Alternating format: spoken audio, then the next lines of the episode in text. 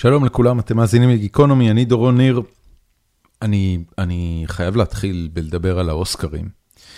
אה, ראיתם את הדבר הזה? כאילו זה, זה עבר לידכם, ראיתם אחד ממאות אלפי הפוסטים שראיתי היום בטוויטר ובפייסבוק סביב העניין הזה, שבו אה, בחור מבוגר, שתכף הולך לזכות בפרס האוסקר, עולה לבמה ודופק סטירה בלייב למישהו אחר.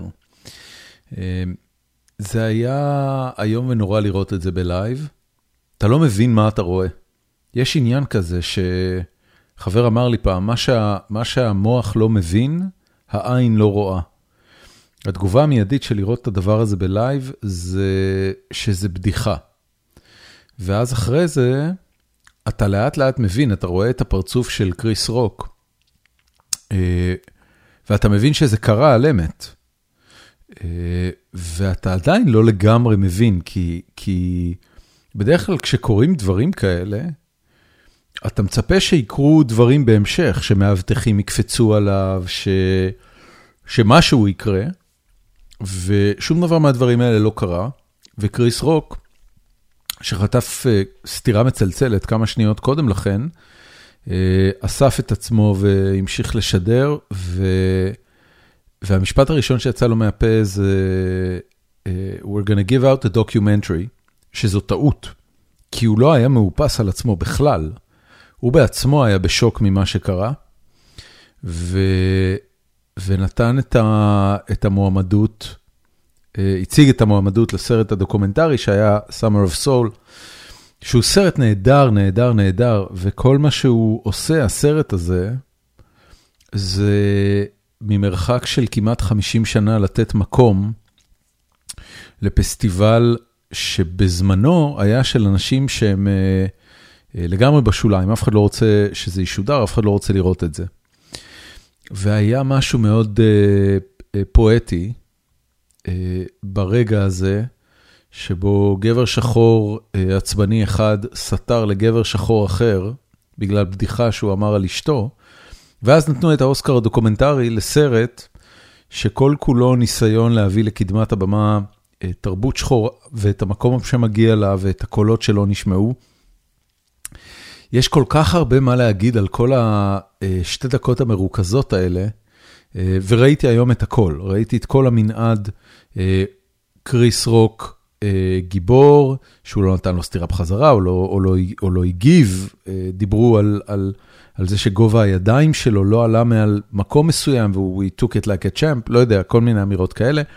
מהצד השני, וויל סמית, מבין אותו, עשה את הדבר הנכון, מישהו מתבדח על אשתך, כל מיני אמירות בסגנון הזה שלא ברור לי בדיוק איך הן אה, מתיישבות. אני, אני מקווה שהאנשים שצידדו בוויל סמית הם לא אנשים שהולכים באופן קבוע להופעות סטנדאפ.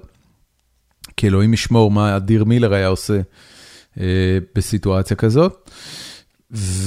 ואז היו את אלה שדיברו כבר, זה כבר בשלב המטא, דיברו על אלה שכתבו את הפוסטים, וחלי רוטנר אה, הגדילה לעשות וביקשה שמי שלא כתב פוסט על אה, וויל סמית ו... וקריס רוק, שיעשה לה לייק, וקיבלה איזה אלף לייקים על זה. ואז האינטרנט עשה את מה שהוא עושה הכי טוב, וזה מימס.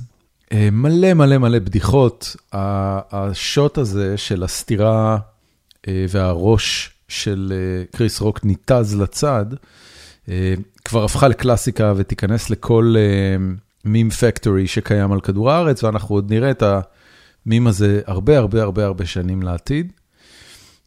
וזו התקופה המוזרה והמטורפת שאנחנו חיים בה, שבה משהו כזה, קודם כל, בכלל יכול לקרות, בלי ש...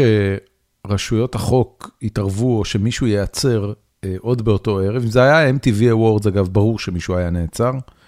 משהו בעניין הזה שזה אוסקרים, אה, אולי המשדר הטלוויזיוני הכי פריבילגי שיש לאמריקה להציע, אה, גרם לדברים להתנהל בצורה שונה ומוזרה. ועוד ידברו על זה המון, ואני, ההימור הקטן והפרטי שלי זה שוויל סמית הולך להפסיד מזה בענק. קודם כל, כי אחרי אה, אה, אינסידנט כזה, יש ארגונים שפשוט לא יעבדו איתו, להערכתי האישית. אני, אופתע אם אני טועה, אבל להערכתי האישית. אה, אני מאמין שהוא לא יעשה יותר סרט של דיסני אף פעם. ו, ואני חושב שיש גם לא מעט מותגים שלא ירצו לעבוד איתו, אני לא יודע כמה הוא בכלל עובד עם מותגים. ו... וזה גם אומר דברים נורא מוזרים על מערכת היחסים שלו עם אשתו. ש... שמסתבר שהיא מערכת יחסים פתוחה בהגדרה, אבל היה איזה עניין שם, בתוך הקליפ, שהוא בהתחלה צחק מהבדיחה של קריס רוק, ושלוש שניות אחרי זה, בזמן שקריס רוק עוד מדבר, אה, הוא קם אליו, ואין footage שמראה מה קרה, אין צילום שמראה מה קרה בזמן הזה. ו... וכל התיאוריות שקראתי, או כל העדויות שקראתי, אה, מעלות את הספקולציה שהיא אמרה לו משהו, שזה לא בא ממנו, שהיא זרקה לו איזה משפט שכנראה הדליק אותו בצורה קיצונית כל כך, ש, שפשוט איבד את עצמו. לא, לא, הוא, הוא שחקן של, של תפקידים של עשרות מיליוני דולרים, והבן אדם קם בשידור חי, שהוא יודע שזה אחד המשדרים הכי נצפים בטלוויזיה האמריקאית בכל השנה, וצעד בצעדים גדולים ישר אל הבן אדם שמנחה, דפק לו סטירה בפנים. זה לא ייאמן, זה לא ייאמן. אמ, זה עדיין לא ייאמן. זאת אומרת, זה, זה ממש, המוח לא קולט שהדבר הזה קרה. אמ, זהו, אז אני מניח שיש לכם דעות, ואני מקווה שיש לכם דעות בנושא. אמ, וגם על הפרק שאתם הולכים לשמוע עכשיו, הולכות להיות לכם דעות. אה, אחינועם ניני, לפחות במה שקשור לדעות הפוליטיות שלה, אמ, היא בן אדם ש, שיש לו את הדעות ואין לו בעיה להגיד אותן, והשאלות שנשאלו לקראת הפרק הזה, חלקם היו קצת אה, לא לעניין, במובן הזה שהן אה, סרקסטיות, מגעילות, לא סובלניות, לא מכבדות את העובדה שיש לבן אדם דעות אחרות, ושיש לו זכות מלאה להשמיע אותן גם אם לא, הן לא מוצאות חן בעיני אף אחד וגם אם הן לא בקונצנזוס. אה, וכל עוד הוא לא עושה שום דבר רע בנידון, וכשאני מדבר על רע, אני מתכוון על אה, אה, אלימות, אז אה, לנצח, כל עוד אנחנו חיים ב, בעולם ובמדינה, ישראל ספציפית, אני לא חי שם, אבל, אבל כל עוד ישראל היא מדינה ששואפת לאיזשהו אה, אה, חופש ביטוי, אה, תהיה לאנשים את הזכות להגיד דעות סופר לא פופולריות. ו... וזהו, יש לי עוד המון מה להגיד על זה, ו... ואני לא הולך לעשות את זה עכשיו, גם כי אני כבר שמונה דקות לתוך הפרק ואני רוצה להתחיל אותו. וגם בגלל שאין באמת סוף לשיחות האלה, ונורא קשה לנהל אותם, בטח בפורמט אינטרנטי. אז אה, לכל מי שהיה לו את הסבלנות להאזין לזה, אה, תודה שיש לכם סבלנות. כי הפרקים של גיקונומי הם לא משהו לאנשים בלי סבלנות. זה גם שעתיים, שעה וחצי של פרקים, וזה גם אה, הרבה פעמים אנשים מעצבנים ועם דעות אה, אה, לא קונבנציונליות, ולפעמים זה מאתגר וכיפי ומעניין, ולפעמים זה סתם מאתגר. ואחינועם ניני, שהיא באמת מוזיקאית מחוננת, ובחינה ווקאלית, אחד הדברים הכי גדולים שקרו בארץ אי פעם, אמ, בצד הפוליטי היא כנראה מעצבנת הרבה ישראלים, נו מה? מה תעשו? אמ, ובכל מקרה, אני מאוד אוהב אותה, והיה לי עונג מאוד גדול לראיין אותה, אה, כי היא חכמה ומוכשרת, ו... וזהו, אני סיימתי. אה, שתהיה לכם האזנה נעימה, פרק 532 של גיקונומי עם אחינועם ניני.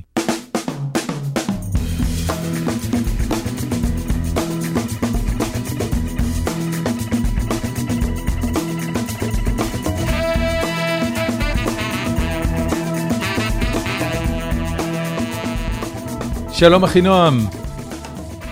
שלום דורון. מה שלומך? אה, אמרתי לך קודם שאני היום ב-all systems down. בואי תספרי לי מה היה, כי הפודקאסט לא, הזה, יש לו, אה, byline, אנחנו קוראים לזה גיקונומי, אבל אנחנו גם קוראים לזה אה, פודקאסט שבועי על החיים עצמם. ולפחות ממה אוקיי. שהתכתבתי איתך בוואטסאפ, נשמע שהיה לך עכשיו חצי שעה של החיים עצמם לפנים. אז מה היה? כן, כן, כן, כן. תראה, אמ, אני אימא לשלושה ילדים. באיזה גילאים? יש לי בן חייל, בן 21. נכון, ראיתי שהוא התגייס, ואת בטח לא ישנה בלילה. מה אתה אומר? אני אומר, ראיתי שהוא התגייס ואת בטח לא ישנה בלילה. אכן, אבל אתה יודע מה, אני ישנה בלילה, כי uh, thank God he has asthma, אז הוא לא קרבי. Okay. אוקיי. הוא עובד, uh, עובד במחשבים, okay. כן, אוקיי. הוא uh, גיק מחשבים.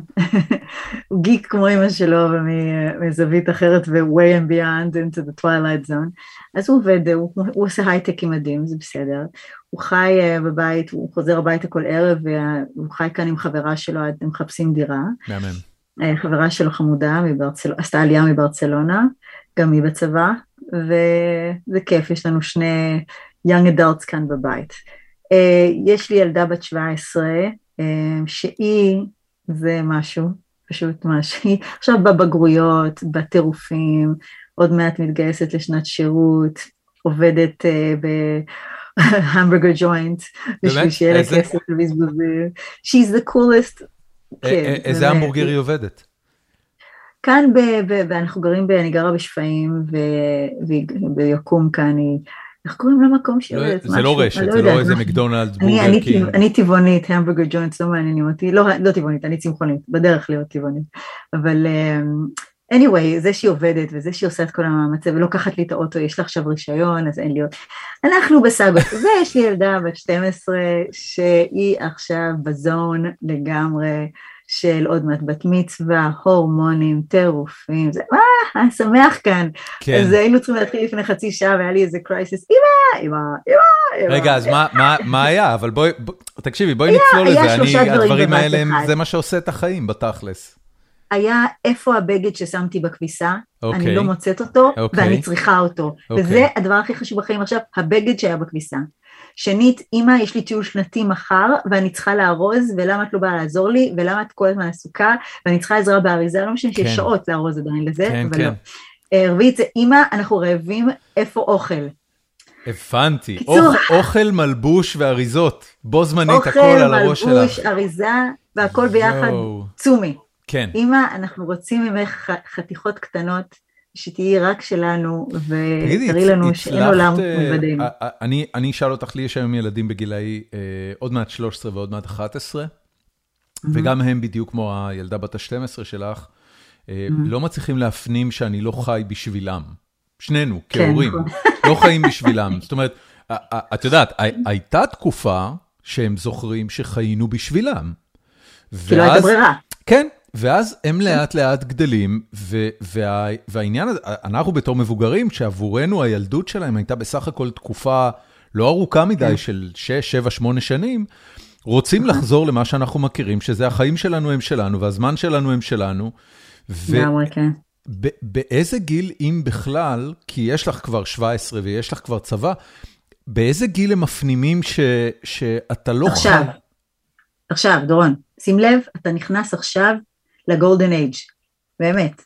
13, זה, תראה, יש לך עוד 11, אז זה עדיין קצת מבולבל, אתה גם מגדל אותם בארצות הברית, נכון, שים לב. נכון. ארצות הברית זה slow. ילדים ישראלים בגיל, בגיל של, של הבת שלי, ים, הם כבר לחלוטין עצמאיים, והם אה, בועטים והם עושים את הדבר שלהם, הם צריכים אותך תכלס בשביל אוכל, רכב, קצת כסף וקצת אה, שירותים פסיכולוגיים. כאילו, זה מה שאני עושה בבית הזה. אבל לפעמים כל הבקשות האלה באות ביחד באותה דקה, שזה מה שקרה עכשיו. אבל תדע לך שאתה כבר יצאת מה, מהתלות זון המטורף הזה. עכשיו, אתה לדעתי תוך שנה, שנתיים, אתה, אתה לא מאמין מה יקרה אצלך. אני נורא מקווה. אתה תהיה במקום אחר לגמרי. תקשיבי, אני, הדבר, הדבר שאני אוכל עליו הכי הרבה סרטים זה שהברירת מחדל התזונתית, זאת אומרת, יונתן הבן שלי, שהוא תכף בר מצווה, הוא, הוא כבר לא במקום שהוא יבקש מאיתנו להכין לו אוכל, הוא יכין לעצמו, אבל מה שהוא יכין לעצמו זה פופקורן במיקרו.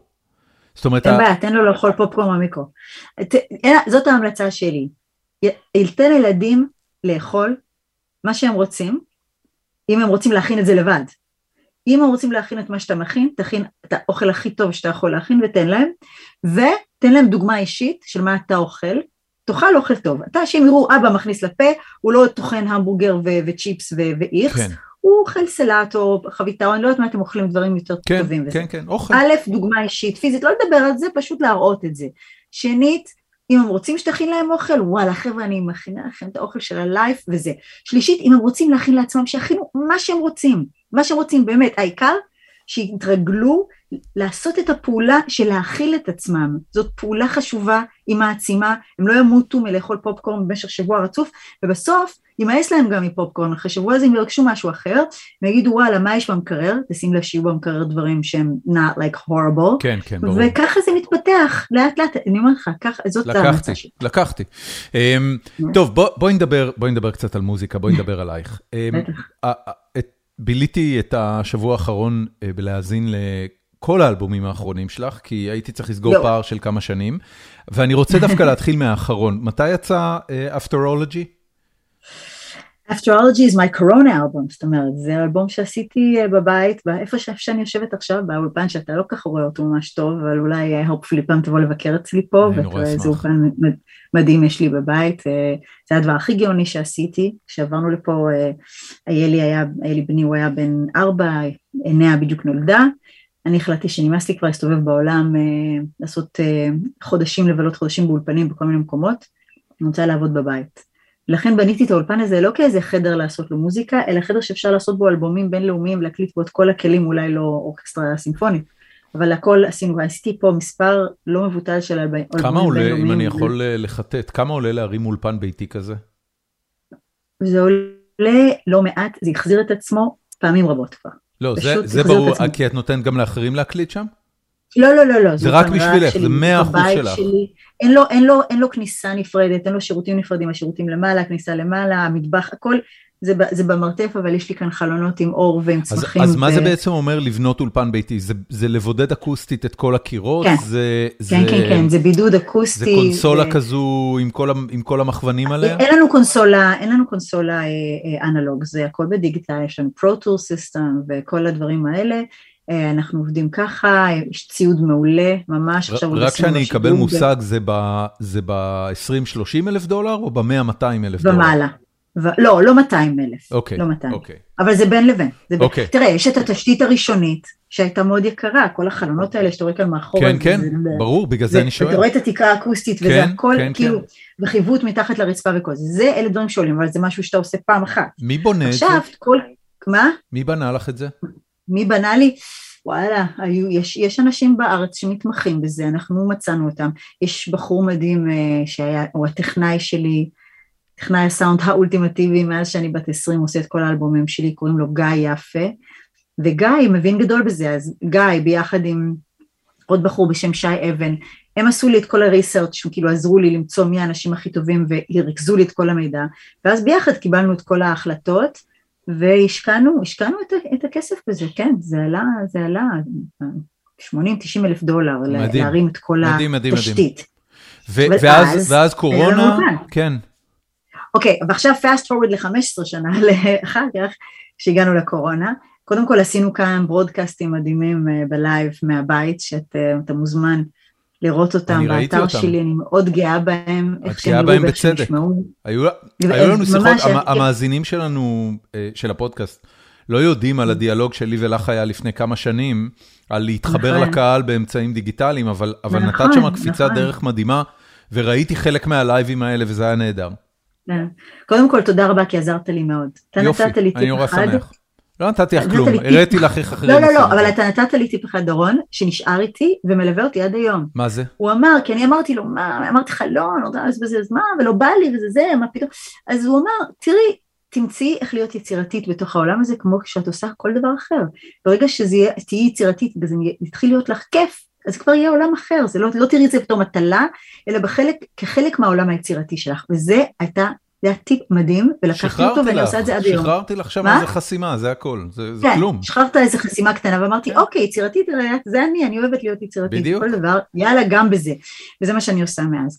anyway, בקיצור חזרה לענייננו, אז זה, זה האולפן שהשתמשנו בו, ואז תוך כדי הקורונה גם כן, גילי ואני החלטנו פשוט לעשות את האלבום שבא לנו לעשות, בלי, כי הרי אף אחד לא היה בסביבה להגיד לנו מה, מוכר, מה לא מוכר, כולם היו בזון מטורף של... אף אחד לא הציק לנו בקיצור, חברות תקליטים לא באו אלינו בשום טענות או רצונות או בקשות, תעשו מה שאתם רוצים. אז עשינו מה שאנחנו רוצים, ומה שרצינו לעשות זה אלבום ג'אז עם סטנדרטים מדהימים וגם שירים שהם בעינינו סטנדרטים, זאת אומרת היינו מאוד uh, פתוחים בהגדרה שלנו של מה זה סטנדרט. אז, אז תני, לי, תני לי להתחיל, אוקיי? השיר, השיר הפותח של האלבום My Funny Valentine. כן. אין לי מושג מאיפה יש לבן אדם אומץ לגעת בשיר הזה. זה נראה לי מסוג הדברים הכי מפחידים שאתה יכול נכון. לעשות. אה, אני גדלתי על My Funny Valentine של צ'ט בייקר. בייקר. ואני לא יכול שלא אמ, באמת לחוות חוויה הכי קרוב לחוויה דתית שאני מסוגל לדמיין, כל פעם שאני שומע את צ'ט בייקר שר את השיר הזה. את באמצע מגפה, אה, ביחד עם גיל, ואגב, האלבום, אני, אני אתן את המחמאה הזאת מראש, האלבום נשמע מדהים, מדהים, מדהים, מדהים. זה, זה מסוג הדברים שאני, כשהייתי צעיר יותר, זה הדיסקים שהיינו לוקחים לחנויות אודיו כדי לעשות את הטסטים על, על, על הרמקולים, כדי לראות אם הם טובים מספיק. אז, אז זה פשוט נשמע מדהים. איך ניגשים בכלל ל-My Funny Valentine? כאילו, איך נראתה השיחה בינך לבין גיל על, על השיר הזה? תראה, אני, אני אתן לך את כל ה... אני מאמין שלי בעניין הזה, כי, הוא, כי זה לא רק על השיר הזה, זה בכלל על מוזיקה. אמ, ראשית, אתה יודע, אה, במשך השנים אני מאוד מאוד נזהרת מקאברים. אני לא עושה הרבה קאברים, אה, יש לי קריטריונים מאוד, ואני רואה אמ, את singing jazz standards כקאבר, זאת אומרת אתה, אתה כמובן אתה נוגע בשיר שכבר נכתב, שכבר בוצע, כמו שאתה עכשיו אה, ציינת, פעמים רבות, לפעמים על ידי אומנים גדולים, והשאלה הראשונה שאני שואלת את זה, כי הרי אני, אני קודם כל singer songwriter, אני כותבת מוזיקה ומילים מגיל צעיר, והחלק נכון. הגדול של הקריירה שלי הוא שירים מקוריים, שזה או מילים או לחן או שניהם או זה, מגיל שמונה ועד היום. אבל במשך השנים נגעתי בכל מיני דברים. עכשיו, וכל פעם שאני בוחרת לגעת בחומר שלא אני כתבתי, קודם כל אני שואלת את עצמי, האם זה משהו שהלוואי והייתי כותבת בעצמי? אם התשובה היא כן, אז קודם כל אני מוכנה בכלל לחשוב על זה. זאת אומרת, אני לא אשיר שיר שמישהו אמר לי, אה, זה אולי שיר שיכול להיות פופולרי או לא פופולרי, זה, זה, זה לא מעניין אותי. קודם אני צריכה לחשוב שהשיר מדהים וגאוני, והלוואי וכתבתי אותו בעצמי, זה קודם, זה בטח מה פאני ולנטיין נופל בקטגוריה הזאת. שנית, אמ, אני שואלת את עצמי, ופעם שמעתי איזה נגן אוד ערבי, שאמרתי לו, סימון שהין קוראים לו, אמ, לא אני שמעתי, אבל חבר שלי סיפר לי ש... זוהר פרסקו, שהם היו ביחד, וסימון לא אהב לבוא לחזרות. וכל פעם אה, זוהר אומר לו, סימון בוא צריך ללכת לחזרה, אז הוא אומר, וואלה, but why? we know the music, וואלה, but why? אז סתם אהבתי את הממצא הערבי הזה, וואלה, but why? אז אני, הוואלה, but why הזה נהיה ממש מוטו שלי, אני אומרת, וואלה, but why? הווה אומר, למה, אחינועם, למה? עכשיו, למה את שרה את השיר הזה? מה המוטיבציה העמוקה שלך? האם המוטיבציה שלך היא בשביל למצוא חן בעיני מישהו? פסול, לא. האם המוטיבציה היא בשביל שיראו איזה זמרת נפלאה את ואיזה נהדרת את ואיזה מתנה את לעולם? אוי ואבוי, לא, פסול, זורקים. האם יש משהו עמוק יותר? האם יש לך משהו לתת לשיר הזה? האם יש לך איזה פנס קטן להאיר לעומקי ליבו? האם את יכולה לרומם אולי את השיר הזה לאיזה מקום אחר שהוא לא היה בו קודם? חס וחלילה לא להיות יותר טובה או להתחרות עם... לא, אבל משהו, זווית אחרת. משהו אחר. ומה היה? אם כן, אם כן, אז התשובה היא כן. אז אתה רואה, קודם כל עברנו הרבה מאוד משוכות, נכון. עד שבכלל ניגשנו לשיר. עכשיו, ענינו לכל השאלות. עכשיו אני אגיע רגע, ל... רגע, רק שאני אבין, זו שיחה שאת מנהלת עם עצמך, או שאת מנהלת אותה עם גיל? איתי ועם עם עצמי ועם גילי, כן. מה, גיל, מה גילי חשב על זה? גיל דור, גדור ואני מסכימה, אנחנו 32 שנה עובדים יחד, ואם לא היינו כל כך מחוברים עמוק לנפש המהותית והסודית של המוזיקה ולשאיפות האומנותיות הכי הכי נשגבות, לא היינו נשארים כל כך הרבה שנים ביחד. אנחנו כבר נהיינו two-headed monster, מישהו קרא לנו, מפלצת דו-ראשית, ככה אנחנו שני כן. אונות המוח, ובאמת, אחרי כל כך הרבה שנים יש פיוז'ן כבר. בקיצור, אז, אז ברור שאנחנו מסכימים על כל הדברים האלה. הזווית שלי תמיד מתחילה עם המילים. תמיד. אני מאוד מאוד קשובה למילים ולסוד מאחורי המילים, מה בעצם מנסים לומר או מה אני מרגישה שמנסים לומר לי בשיר הזה.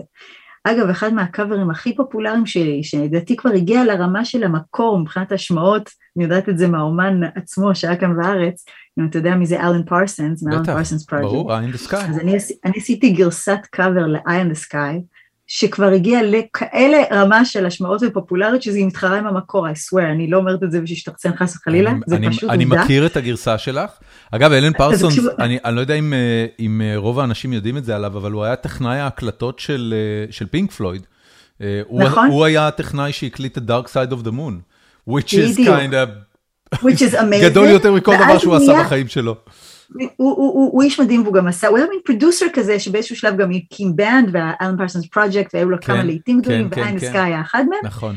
anyway, גם שם זה היה מקום שעמוק מאיזה זווית מקורית אחרת למילים, שהיו מאוד אינטרוורטיות, במקום להטיח באיזה אחת שבגדה בו, כמו שכנראה ככה כתב, כן. אני בחרתי להסתכל פנימה על עצמי, רק שנייה, מה קורה פה, על מי את עובדת? על עצמי. נכון. ו- ומשם שתרתי לשיר ולכן יצא משהו שם באמת אה, פלאי. My Funny Valentine, אני רואה אותו בתור שיר חשוב, כאילו מעבר לזה שהוא מהמם והוא מרגש וזה. ואגב, אני לא גדלתי עם איזה ביצוע איקוני שעצר אותי, זאת אומרת, כאילו וואו, צ'אט בייקר, אני, אני, I'm in the shadow of, of צ'אט בייקר, לא, לא היה לי דבר כזה. באתי רק לא- לא הכרת אותו? כמו לא הכרת את הביצוע? לא, לא הכרתי את הביצוע הזה. אוקיי. לא, אני לא מכירה, עד עכשיו אני לא מכירה, אני יודעת שהוא קיים, אוקיי. אבל תאמין לי אוקיי. שאני אומרת שלא שמעתי אותו אף פעם. הבנתי. כאילו אני, אני, אני, אני לא... זה ביצוע אבל לא- מרטיט ממש. לא- פשוט לא הגעתי לזה, אני, אני אשמע איך שאני אסיים גם עכשיו שאמרת מה שאמרת. לא, אני לא רוצה. להרוס לך. תקשיבי, אם זה לא, אם- אה, אם זה אתה לא, משהו... לא, זה לא יהרוס לי, אין שום דרך, אה, אה, כאילו זה, זה רק ירגש אותי, אני בטוחה. כן. אבל ה... באתי לשיר הזה עם, עם הרבה, עם מקום מאוד עמוק פילוסופי לגבי השיר הזה, כי מה הוא אומר לדעתי, כאילו?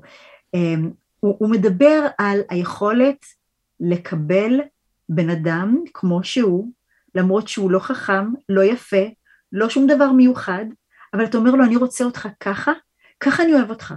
עכשיו, היום, בעולם המעוות שאנחנו חיים בו, אנחנו כל הזמן שואפים לשנות את עצמנו כדי למצוא חן. נכון. אנשים חיים באומללות, אם זה דרך הסושיאל מדיה שאנחנו דיברנו עליה, נכון. או דרך סתם הניתוחים הפלסטיים וכל הדברים המטורפים שאנשים מעל, מעבירים את עצמם, מתעללים בעצמם, זה ממש עינוי בעיניי, בשביל להיות משהו שאתה פשוט לא. עכשיו, מה אתה רוצה הכי בעולם, שמישהו יגיד לך, אני לא רוצה שתהיה, אני אוהב אותך, אותך, אני רוצה ככה. עכשיו, כשאני רק חושבת על זה, יש לי דמעות בעיניים. אני, אני מתרגשת מהרעיון של, ה, של הפשטות והאנושיות והטבעיות שבאקט האהבה.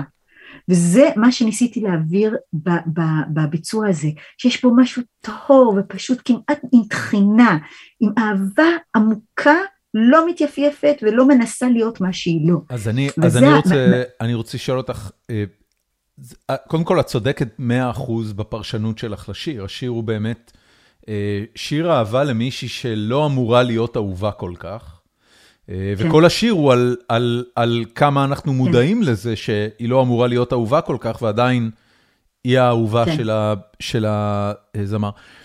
את, אין לך ביצועים חורקים, אין לך ביצועים לא יפים. המ- המוזיקה שאת עושה, רמת הדיוק שלה, ש, שמעט מאוד אנשים יכולים בכלל להגיע אליה ווקאלית, אה, היא, היא בהגדרה שואפת להיות הכי מדויקת, והנגינה של, אה, של גילי באלבום הזה, אה, ובשיר הזה באופן ספציפי, גם מדויקת, אין, אין כלום, אין חריקה של אצבע על מיתר. איך את, איך את משלבת את שני הדברים האלה? זאת אומרת, איך את עושה את זה כל כך יפה כשהשיר מנסה להגיד בדיוק ההפך? תראה, אני לא, אני, אני לא אה, מזדהה עם, ה, עם המסקנה של הניתוח שלך. זאת אומרת, הניתוח נכון, אנחנו, אנחנו מסכימים על הנשמה העמוקה של השיר. אה, אנחנו מסכימים אה, ש... נכון, הביצועים שלי הם מדויקים, אבל הם לא, השאלה שאני שואלת תמיד, אז מאיפה הביצוע בא? מה, מה, מה המניע של הביצוע? ואני אנסה להסביר. לפעמים אני, אני שומעת, וזה דבר שאני לא אוהבת, זה גורם לי לא לאהוב ביצוע של שיר.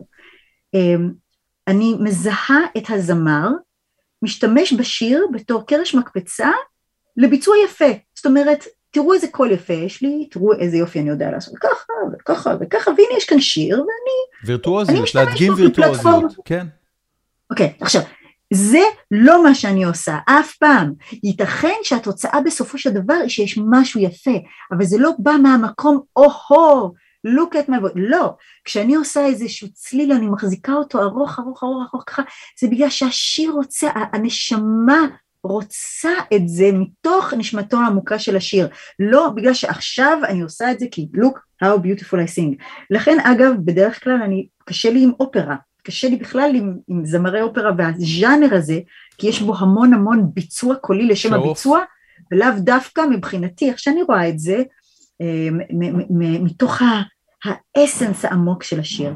עכשיו כאן אם, אם מקשיבים באמת למה שקורה כאן ב, ב, בשיר, איך שאנחנו בחרנו לפתח אותו, איך שהאימפרוביזציה המלודית עולה ומתקדמת כן. קצת, יש לה כל משפט מחובר עמוק עמוק עמוק למה שנאמר בו, נכון, זה לא צרוד, זה לא אה, אה, בוב דילן וזה לא אה, אה, אלביס קוסטלו וכל ה...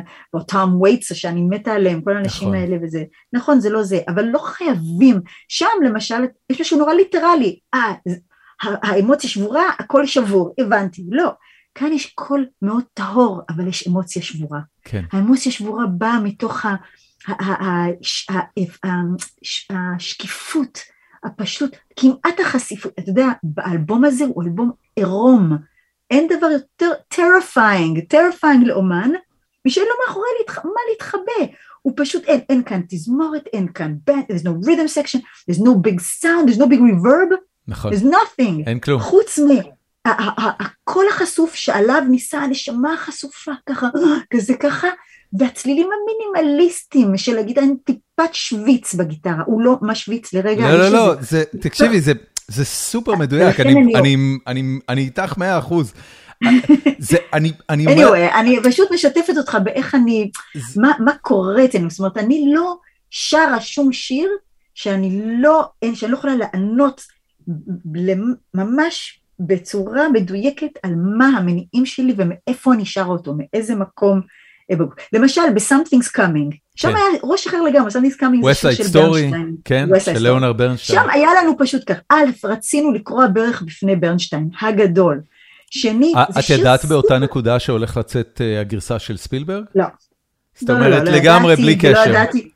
ולא ידעתי גם שסטיבן סנטהיים אה, ילך לעולמו, סטיבן כן. סנטהיים הנערץ, כן, יצא כן. שגם זה וגם זה, אבל לא בגלל זה, עשינו את זה כי זה שיר, דורון, שיר, גאוני. שיר מדהים.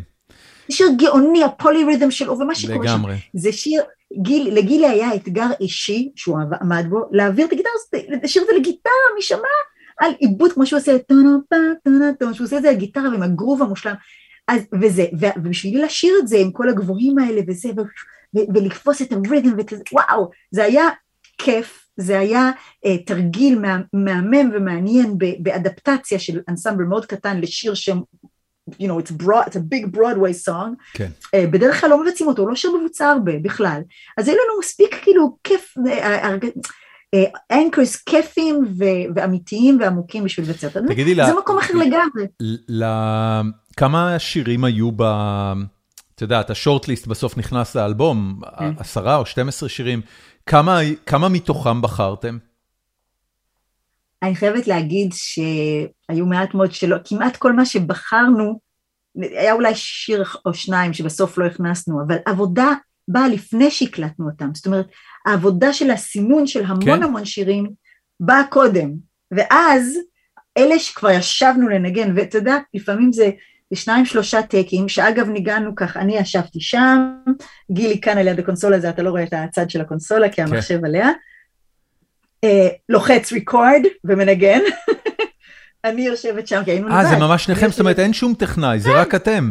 קורונה אני אומרת לך. מדהים, מדהים, מדהים, מדהים. אחרי זה גיא יפה נכנס ועשה את המיקס המהמם ואת המאסטרינג והכל, אבל זה היה עבודה, ושי אבן, שאנחנו, זה ארבעת האנשים שעשו את האלבום הזה, גילי ואני, גיא יפה ושי אבן, שהם שניהם גאונים, והם עשו לנו את ה finish. אבל ככה הקלטנו את כל האלבום הזה, עשינו את הגיינים, עשינו את ה-EQ, הכל הכל, ואני הייתי שרה עם יש לי מיקרופון נוימן מהמם, בזה למשל השקעתי, מיקרופון הורס, כמו שצריך, לפני 15 שנה, and it'll be for, for the rest of my life, הוא המיקרופון, אוזניות, ככה בסאונד נהדר, ועשינו מספר טייקים, תמיד כשיש איזה גולדן טייק, you say wow, that was beautiful, לפעמים עושים קצת קומפ, אבל תכלס זאת העבודה, וגילי ואני כל כך הרבה שנים ביחד, אנחנו צריכים לדבר הרבה, על.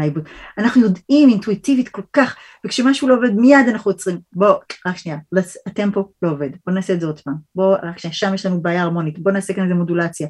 בוא, let's transpose, משהו צריך לקרות כאן. כאילו, זה השיח, שיח מאוד קולח וכיפי, זה, זה החיים שלנו. מהמם. מהמם. זה, זה היה... אמ, זה היה תרפיית קורונה? כן, בטח. זאת אומרת, במקום, במקום להשתגע, פשוט עשיתם אלבום ג'אזי מעולה. עשינו אלבום, וידענו, כאילו, גם, גם אני אגיד לך, באנו בלי אקספקטיישנס לעולם. זאת אומרת, תמיד יש לך אקספקט, אתה רוצה שאנשים יאהבו את מה שתעשה. אבל אתה יודע, אני לא חשבתי שהאלבום הזה עכשיו הולך לשבור את הקופות או משהו כזה. you know, בכל זאת, זה אלבום ג'אז, זה לא אלבום זה, של מוזיקה. זה נראה לי, כשאני... בכלל, אני אף פעם... כש, מה? כשאני הסתכלתי על זה מבחוץ, זה נראה לי כמו, את יודעת, ב... ב בקריירה או בדיסקוגרפיה של כל ווקליסטית גדולה או, או גדול שאני מכיר, מגיע הרגע של אלבום הסטנדרטס. וזה, נכון, ככה, נכון. ככה זה הרגיש לי, זה הרגיש לי כמו, אוקיי, חבר'ה, אתה- let's כן, do the standards. הגענו. הגענו לסטנדרטס. כן. הגע, אתה צודק דורון מהבחינה הזאת, ואני אגיד לך עכשיו עוד, עוד משהו מעניין. כשאני הייתי בשנות ה-20 המוקדמות שלי והייתי בבית ספר רימון, בשנות, הייתי בת 20, הגעתי לבית ספר רימון וככה התחלתי את הקריירה, שם פגשתי את גילי, ועל ההתחלה תהיגו אותי כזמרת ג'אז, כי באתי מניו יורק, גדלתי בניו יורק, אתה בטח יודע, ודוברת אנגלית, מכירה את הסטייל, you know, פחות או יותר, אז כבר היה לי פור, אבל, אבל אני לא תפסתי את עצמי כזמרת ג'אז, מי אני, כאילו בכלל, שאתן לעצמי את ההגדרה הזאתי, וגם אני... למה? כי ג'אז זה רציתי לעשות תרבות עילית שאת, אה, שאת לא מתיימרת. ג'אז, קודם כל אני לא מתיימרת בכלל להיות זמרת ג'אז, אני לא זמרת ג'אז, אבל אני הכרתי את הרפרטואר כי גדלתי בארצות הברית, זה כמו פולק מיוזיק, זה כמו לגדול בארץ ולהכיר את uh, היו לילות, זאת אומרת, יש את זה בכל מקום, זה במעליות, זה בטלוויזיה, זה בחנויות, זה ברחובות, זה במועדונים, זה בברודוויי, אני הייתי חולה על ברודוויי, וזה, you know, זה בדיסני, זה ב... those standards were everywhere and that playing on the sound זה בכל מקום, זה חלק מהתרבות, אז אני באתי עם התרבות הזאת כי גדלתי מגיל שנה עד גיל 17 בארצות הברית, אז היה לי את זה, אבל משם ולהגיד אני זמרת ג'אז, אתה יודע, מי שמע על דבר כזה, ואז אמרו לי תשאירי ככה ותשאירי ככה, ואמרתי להם אני לא מעיזה, אני, אין דרך שאני שרה את השירים האלה, הם שירים שאלה ושרה ובילי הולדיי שרו, מי אני שאני שרה את השירים האלה, אולי שישראליות היה להם יותר קל, כאילו לא, הם לקחו והם שרו, ואני לא, לא, לא העזתי, למרות שהיה לי את היכולת, היה לי כל כך הרבה רספקט וממש רעד לשירים האלה שאני לא... זה לקח לי 30 שנה לעבור את כל הקשת של הקריירה, של הכתיבה, של ההופעות, אלפי הופעות וזה, וכל הדרכים שעשינו, והפרסים, וכל הדברים, וה-recognition, וגם העמקה, והלמידה, למידה של מה זה לשיר בכלל, מה זה לאבד, מה זה expression, הרי זה לוקח שנים באמת להבין את הדבר הזה. וכמו שאמרת, בסוף, עכשיו... כן, מגיעים לסטנדרט. הגענו לדבר הזה, לכן קראנו לו afterology, after all. זה, זה, זה לא... Uh, אני הסתכלתי, קודם כל נורא אהבתי את ה... אני באופן כללי אוהב uh, שלוקחים לוקחים דברים והופכים אותם למילה, ולכן כן. afterology טייטל מגניב ומעולה בעיניי, ורק רק תהיתי לעצמי אם יש בזה איזשהו אלמנט של סיכום ביניים מבחינתך לקריירה. ש, שקורונה ככה תקע את כולם בבית לשנתיים, ו, ולא רק כן. לך אגב, עשה, לכ, עשה לכל העולם חשבון נפש. יש עכשיו, כן. uh, אני לא יודע אם את מכירה את העניין הזה, אבל uh, יש עכשיו תופעה בארצות הברית שמכונה The Great Resignation, שהמשמעות שלה היא בעצם שמיליוני בני אדם מתפטרים מעבודות שהם היו בהם במשך שנים, כי הייתה להם... Uh, הייתה להם תקופה עכשיו של שנה, שנתיים, שהם היו תקועים בבית, שזה ממש עשה להם cut על החיים, ונתן להם תקופת זמן לא קצרה לחשוב על מה הם רוצים לעשות הלאה, ורוב האנשים החליטו שהם לא רוצים לחזור לחיים שלהם לפני קורונה, והתופעה הזאת של The Great Resignation זה תופעה שחברות נאבקות איתה נורא נורא קשה, אנשים לא רוצים לחזור לעבודה. תקשיב, דורון, אני, אני ממש ממש אשמח כשנסיים את השיחה הזאת, אתה תעשה לי חסד ותלך להאזין לפרויקט קורונה נוסף שהיה לי בתקופה המדהימה הזאת, שזה שיר שהלחנתי מתוך מאמר שכתב דוד גרוסמן. אוקיי. Okay. דוד גרוסמן שהוא גם חברי הטוב, הוא איש מדהים, כתב מאמר מכונן בתחילת הקורונה, שצ... שממש חזה, ממש בצורה נבואית, את כל מה שיקרה, כולל את מה שאתה אומר עכשיו. קראו לזה רקמה אנושית אחת מדממת. ככה, okay. אוקיי. רקמה אנושית אחת מדממת, ככה, זה היה. זה בספוטיפיי? לא, אבל לשיר אני קראתי סימנים של תום. Okay. אוקיי. סימנים של תום, אתה תוכל לשמוע, למצוא אותו בכל הפלטפורמות. אני גם אשים לינק למאזינים שלנו, אני אשים לינק בסוף הפרק. אם, אם תמצאו ביוטיוב, כי גם הווידאו, שאגב עשיתי בבית בכוחות עצמי, הכל, צילמתי והכל, היה איזה חבר שקצת עזר לי, אלי, אלי, אלי שלנו, שהכיר בינינו, אלי כץ, אה, אה החמוד, בא ו- ועזר לי עם, ה- עם הצילום ועם הזה, וקצת עריכה איזה חברה עשתה, כל השאר עשיתי לבד, הלחנה, ניגנתי פסנתר, שרתי, עשיתי, עכשיו, יש, יש שם, אה, וגיל דור כמובן, שמרחוק עוד, זו הייתה תקופה שאפילו לא התראינו, הוא היה אצלו ואני הייתי בבית כאן, אה, ו...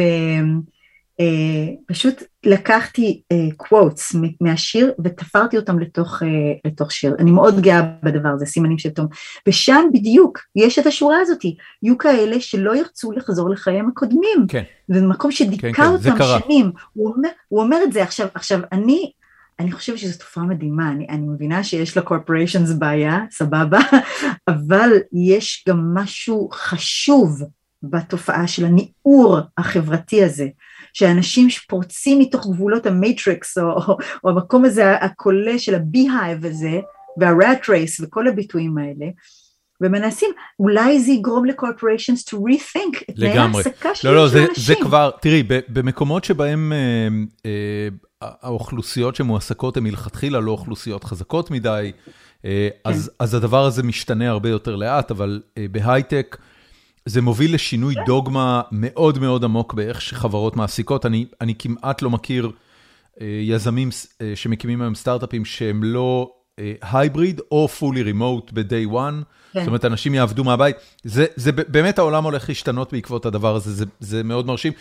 יש מקומות שבהם אין ברירה, פועלי ייצור, אנשים שעובדים במפעלים, אין ברירה אלא כן. להמשיך לעבוד במפעלים, אבל זה כן זה כן. כן משנה את את מבנה... אבל תשמע, דורון. דורון, תשמע, רק שנייה, צורך, אם אנחנו כבר מנהלים דיון פילוסופי כן. אה, פצפון, לפני שנחזור, ל, ל, ל, שאני אעלה לך לשאלה שלא שכחתי אותה, תראה, אנחנו, אה, זה כבר זמן רב שמדברים על זה שהעולם הטכנולוגי יהיה יותר ויותר motorized, robotized, whatever, אוקיי? Okay? יש הרבה מאוד עבודות שלא בני אדם צריכים לעשות. יש הרבה זמן, הרבה כבר, הרבה מאוד שנים מדברים על universal income. זאת אומרת, ייתכן שצריך באמת to embrace these new, these new paradigms ולחשוב איך אפשר to arrange את ה-human species בתוך ה... ועם הטכנולוגיה ועם ההתקדמות ועם ה-climate crisis שבה בדיוק הכל, everything is synchronized, כאילו בצורה בשביל לטלטל את האנושות ולהגיד guys, בואו נראה, אולי יש כאלה, ויש לי שיר אחד מהמפורסמים ביותר שלי, שזה there must be another way, מה... there must be another way, מהאירוויזיון. כן, there must be another way. זאת אומרת, זה, זה שעשינו עד עכשיו ככה, does that mean שככה אנחנו צריכים to continue? there must be another way and it could possibly be a better way. אז זה אני שמה בצד. תראה, אמ, כן, לכל האומנים בעולם אני חושבת הייתה, גם לגדולים ביותר, גם לקולדפליי, כאילו לכולם היו צריכים לעשות, oh my god, oh מה קורה, איך ממשיכים, מה עושים.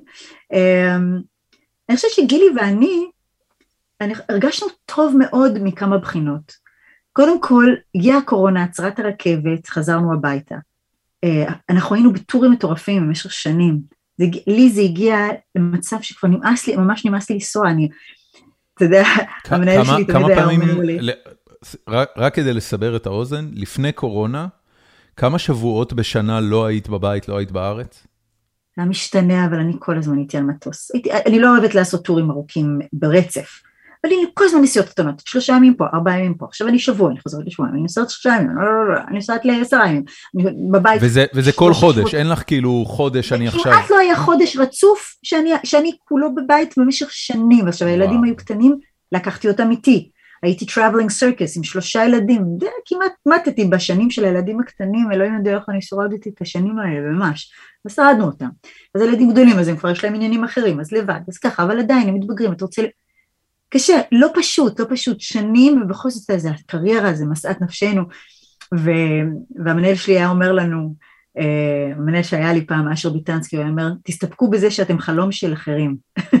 זאת אומרת, אנשים מסתכלים עליכם, אתם מגשימים את החלום שלהם, אתם מתלוננים, אתם לא חיים את החלום, אבל תדעו שאתם חלום. אתם חיים חלום, וואי, זה משפט מעולה. איזה גאון. זה חלום, אבל אתה בעיקר חלום של שלי, זה גם דיון פילוסופי. לא שסבלנו, את יודעת, את אומרת את זה ואני מיד חושב על, אני מניח שיצא לך לראות את גט בק, את הדוקומנטרי על הביטלס? לא, עוד לא ראית אני אותו. לא ראיתי את זה. תקשיבי, רוב הזמן הם נראים אומללים. צריך לומר. נכון. כן, זה היה. כבר בסוף הח- החוויה המשותפת שלהם, הוא כבר היה. עם יוקו, זה היה עם זאת. כן, הם, את רואה אותם מתחברים ביחד, הם עוד יום ועוד יום ועוד יום ועוד יום, ו, ובאמת אה, אה, רינגו שם נראה כאילו בא לו למות, בא לו לחתוך את הוורידים. כן. אה, אה, ג'ורג' אריסון כמובן גם פורש באמצע בעצבים, כן. כי הוא לא יכול לשאת את זה יותר. קשה נורא, קשה נורא הסיפור הזה. נכון, והם היו החלום, אין, אין להקה. כן, בקיצור, אני אומרת שאתה, אתה, הדברים, דברים שרואים מפה לא רואים משם, או ההפך. כן, כן. דברים שרואים מכאן לא רואים משם. כן, אז בקיצור, הכל נורא מורכב כמובן, טיפ of the iceberg, יש הרבה קלישאות, הן כולן נכונות. כל המשפטים האלה נכונים לגבי קריירה כן. איזה מוזיקלית. מבאס זה לגלות שקלישאות הן נכונות. הן נכונות לגמרי, כן. והן נכונות לגבי החיים, אוקיי, לא בהגזמה, אבל בכולם, הרי ככה הם נהיו. כן, זה נהיה הם אמרו אותם שוב ושוב ושוב ושוב ושוב, בסוף זה נמאס, אבל תכלס, that's the way it is, baby. נכון, נכון. anyway, אבל, אבל דווקא רציתי להגיד קצת את ההפך, אני אומרת, גילי ואני, היה היה לנו קשה, אבל um, תמיד עשינו את מה שאנחנו אוהבים. תמיד את המוזיקה שאנחנו אוהבים, אפילו שהטורים היו קשים, אפילו לפעמים אתה מתוסכל כי אתה אומר וואלה למה לא באים יותר אנשים, למה כל כך קשה עם כסף, למה אין לנו את התנאים שאנחנו רוצים, למה טה טה טה טה טה טה טה, אוקיי, כאילו אין, אין תלונות, אנחנו בסדר, לא התעשרנו מהמוזיקה אף פעם, אבל גם לא היה אכפת לנו, אנחנו לא אנשים שמחוברים לכסף, thank God, להיות עבד לדבר הזה שקוראים לו כסף, זה הבעיה שלי עם הברית בדרך כלל, את ההערצה לכסף, לא, לא, שזה אנחנו אוהבים באירופה, אוהבים את הסטייל שלנו שם, מה שאנחנו, הפוליטיקה, המעורבות החברתית, כל הדבר הזה, אז אנחנו היינו ועדיין גאים מאוד בדרכנו, הייתה לנו טובה העצירה הזאת, כי רצינו לנוח ורצינו לבוא הביתה, הרגשנו מעולה בזה שהצלחנו להקים משפחות אוהבות, שנינו, כל אחד, עם, אנחנו נשואים שנינו לאותו בן זוג כבר, אני שלושה עשורים, גילי ארבעה וחצי, כאילו, הוא הרבה יותר מבוגר ממני, אנחנו אוהבים את הבני זוג שלנו, כמה אנשים שורדים קריירה מוזיקלית עם אותו בן זוג כל כך הרבה שנים, זאת זה אומרת, מאוד ואנחנו נדיר. גם חברים בינינו, היינו, היינו ממש, אמרנו וואו, נש- נשמנו לרווחה, ויכולנו להסתכל קצת אחורה ולהגיד וואלה, הייתה לנו קריירה מדהימה, אמ, ואנחנו נשארנו בני אדם, נשארנו חברים, נשארנו נדיבים אחד כלפי השני וכלפי כל האנשים סביבנו, יש לנו ילדים, לגילי יש נכדים, וואו, זו הייתה הרגשה טובה. הילדים שלי היו אומרים עליי ועל בעלי ש... mom and dad are on a corona honeymoon, כאילו, היינו נייס. כאן ביחד, באמת היינו כאן ביחד דבש, אין לנו כבר ילדים קטנים, תגידי, אמ- אמ- אמרת- קודם שכסף זה לא העניין. לא, אמ, זה לא, ו... כן, וזה נשמע גם הגיוני, כי בדרך כלל רוב, ה, רוב האומנות לא מייצרת כסף למי שעושה אותה. ממש אה, לא. וזה בטח לא כן. הדרך הטובה ביותר לעשות כסף, אם זה מה שאתה רוצה. אני, לא. אני, אמ, אני כן אבל בכל זאת סקרן, אמ, איך את מודדת הצלחה? זאת אומרת, איך את מודדת הצלחה של אלבום? איך את מודדת הצלחה של שיר, של הופעה? מה. מה, מה מבחינתך הופך הופעה כשאת יורדת מהבמה ואת אומרת, זאת הייתה הופעה טובה, זאת הייתה הופעה ככה? מה עושה את זה? תראה, אה, קודם כל אני אדבר איתך על המילה הצלחה בעברית, עברית שפה יפה, היא לא השפה הראשונה שלמדתי, אה, אני דיברתי קודם, זאת אומרת הייתי תינוקת, דיברתי אבא אימא, אבל that's it, זה היה אנגלית אחר כך, אבל מכיוון שהיום למדתי בישיבה וגם אני אוהבת מאוד את השפה העברית, אז שורש, וגם גיל דור הוא הגאון של כל המשחקי מילים האלה, אז ביחד אנחנו נורא מתעמקים בשפה העברית. המילה הצלחה, השורש שלה זה צדי חטא, כן. שזה צלח, נכון, שזה עבר, כמו לצלוח את הכנרת, to cross. כן, אז, אז קודם כל אנחנו עוברים, אנחנו עושים את הדרך, אנחנו עושים אותה שנים, זאת הצלחה, אבל יש גם יותר מזה, זה התפעל, זה הצלחה, אתה מצליח מישהו, אתה כאילו לוקח, הצלחתי, זה לא רק עברתי, זה העברתי מישהו אחר את הכביש איתי, זה הפועל. זאת אוקיי. אומרת, אני גם עברתי וגם עברתי יחד, עברנו יחד. זאת אומרת, עשינו את זה, ועשינו את זה כקבוצה, ויש משהו בווי, מי ווי הזה, זה גם אחד מהמשחקי מילים, המילים שאני הכי אוהבת, שמי וווי are mirror images of each other. זאת אומרת, אנחנו כל הזמן משחקים בין המי לווי הזה, והווי הזה, וההצלחה, לעבור, אז מה זה, זה, לעשות זה, את הדרך. זה מה שאת בעצם אומרת, זה מה שהיה על הבמה? ההצלחה נקבעת לפי מה לא. שקרה על הבמה? קודם כל אתה, אני מדברת איתך על המילה הצלחה, כי אוקיי, אתה שאלת אותי אוקיי. איך נמדדת אצלי הצלחה, אז אני אומר לך, ההגדרה שלי של הצלחה זה לצלוח, לעבור, לעשות את הדרך, to stay on the road, לעשות את הדבר ולעשות את זה ביחד. זאת אומרת, אמ, אני- רגע רק אנסה... שנייה, ל- זה, אבל זה רק חלק מהתשובה. אוקיי. אני מסתדרת, יש לי תשובות לא, ארוכות. לא, לא, זה ממש מצטערת. בסדר, בשביל זה הפודקאסט ארוך. החלק השני, אז קודם כל אנחנו עושים את הדבר שלנו. עכשיו, זה קצת מתחבר לחלק השני. איך אני מודדת את ה... אם, אתה הופעה טובה? לא לפי כמות המחיאות כפיים של הקהל, רק שתדע. ולמה? כי לפעמים קהל מוחא כפיים באופן פבלובי. לפעמים הוא מוחא כפיים מכל מיני סיבות שלא קשורות ל... ל אמ, אמ, למשל, הוא, הוא רוקד, הוא שר, הוא מוחא לפי הקצב, you know, כן? זה, זה לא מה שאני מחפשת באמנות, נחמד לי שהקהל נהנה ושהוא שר, רוקד, לא. אתה יודע, לפעמים בהופעות הכי מדהימות, הקהל לא מסוגל למחוא כפיים, כי הוא מוקסם, הוא כאילו, הוא בחרד, הוא ב... הוא ככה, וואו. in awe, ביראה. אז זה לא המקום לעשות, יאי, איזה מקום אתה עושה. אתה יודע, אני זוכרת שהופעתי ביפן פעם ראשונה. הייתי בהלם מה, מהתגובה היפנית. יפנים לא מוחאים כפיים. הם, הם עושים ככה, הם עושים ככה. כאילו, ואני אמרתי לעצמי, יואו, זה היה לפני הרבה שנים, יכול להיות שהם קצת השתנו, אני לא הייתי שם הרבה שנים, אבל בשנים הראשונות שהייתי מופיעה שם, התגובה שלהם הייתה מטורפת. ואחר כך, ואני ירדתי מההופעה הראשונה בדיכאון, והייתי בטוחה שההופעה הייתה נוראית, הייתי מאוד צעירה גם, ואז הסביר לי ה tour manager, זו הייתה הופעה מדהימה, והקהל, ואני זוכרת שישבתי, והיה תור של כל הקהל חיכה לקבל ממני חתימה, כל הקהל עמד בטור עורפי, כמו- אבל זה היה, הוא אומר, את רואה? כי הם, יש להם את ה respect הזה, מה פתאום שאנחנו נפריע לרגע הקסם במחיאות כפיים. ההצלחה של הופעה היא משהו מאוד פנימי מבחינתי. אני יודעת כששרתי מדהים, שהקול שלי יצא כמו מים, שה pitch היה טוב, שהתחברתי ל essence של המוזיקה ממש, שהיה קרן אור שיצא לי מהראש ישר ל- ל- לעננים. זה דבר שהוא, שהוא כמעט, הוא מגי, הוא, הוא כאילו הוא רוחני ממש, זה לא איזה, אתה יודע, שלא לדבר, לא עשיתי טעויות ולא שכחתי את המילים ולא התבלבלתי ונפלתי, אוקיי, אבל זה basically. התבלבלתי ונפלתי? כן, בדיוק. זה קורה? אני- מעט מאוד, אני מודה. רגע, רגע, רגע, אני התבלבלתי בסדר. רגע, את כאילו, לא מתכוונת נפלתי פיזית על הבמה. לא, לא, לא, לא, אני מתכוונת שכאילו, אה, אוקיי, נפלת כאילו בשיר. עשיתי איזה אוקיי, טעות. אוקיי, אתה יודע, בסדר. יש לי את האלבום באך הזה, אני מתבלבל ונופל, אני- I'm quoting חברים של כן. ברור, ברור, הכל בסדר. בסדר. אה, אבל אני אומרת שהדבר הזה ש... אתה יודע, נשאר, נשאר הבאך, אתה, אולי אני לא יודעת אם יצא לך לשמוע יצא? את האלבום הזה. למה לא? זה מטורף מה שקורה שם. כן, כאילו, זה באך נס, משוגע. נס, זה נס לעשות את כל הדבר הזה בלי להתבלבל, כן? כן. ו- ושכל התווים יהיו בפאץ'. עכשיו, לפעמים הקהל לא ירגיש, אבל אני יודעת שהייתי יכולה לעשות את זה אותו, הייתי יכולה להגיע. ומה, ואת אחרי זה לא, את לא ישנה. בלילה? זה מלווה אותך כאילו שעות זה אחרי? מפריע לי, זה, זה מציק לי כאילו, או, או שאולי עשיתי איזושהי טעות בהנחיה, אולי הסדר שירים לא היה בדיוק נכון, משהו באנרגיה, לא הייתי שם במשך, במאה מיליון אחוז, לא, אתה יודע, בשביל שהופעה תהיה טובה ממש בסטנדרט הגבוה של האומנים, שהאומנות היא חייהם, לא איזה משהו שהם עושים דרך אגב, זה the planets align. But אז, when אז they רגע, do, רגע, רגע, אז אני. מעולה, אני, אני, אני רוצה רגע לעצור אותך בתשובה הזו, ועכשיו לשאול את משהו לדעתי ה, הנגזרת של הדבר הזה.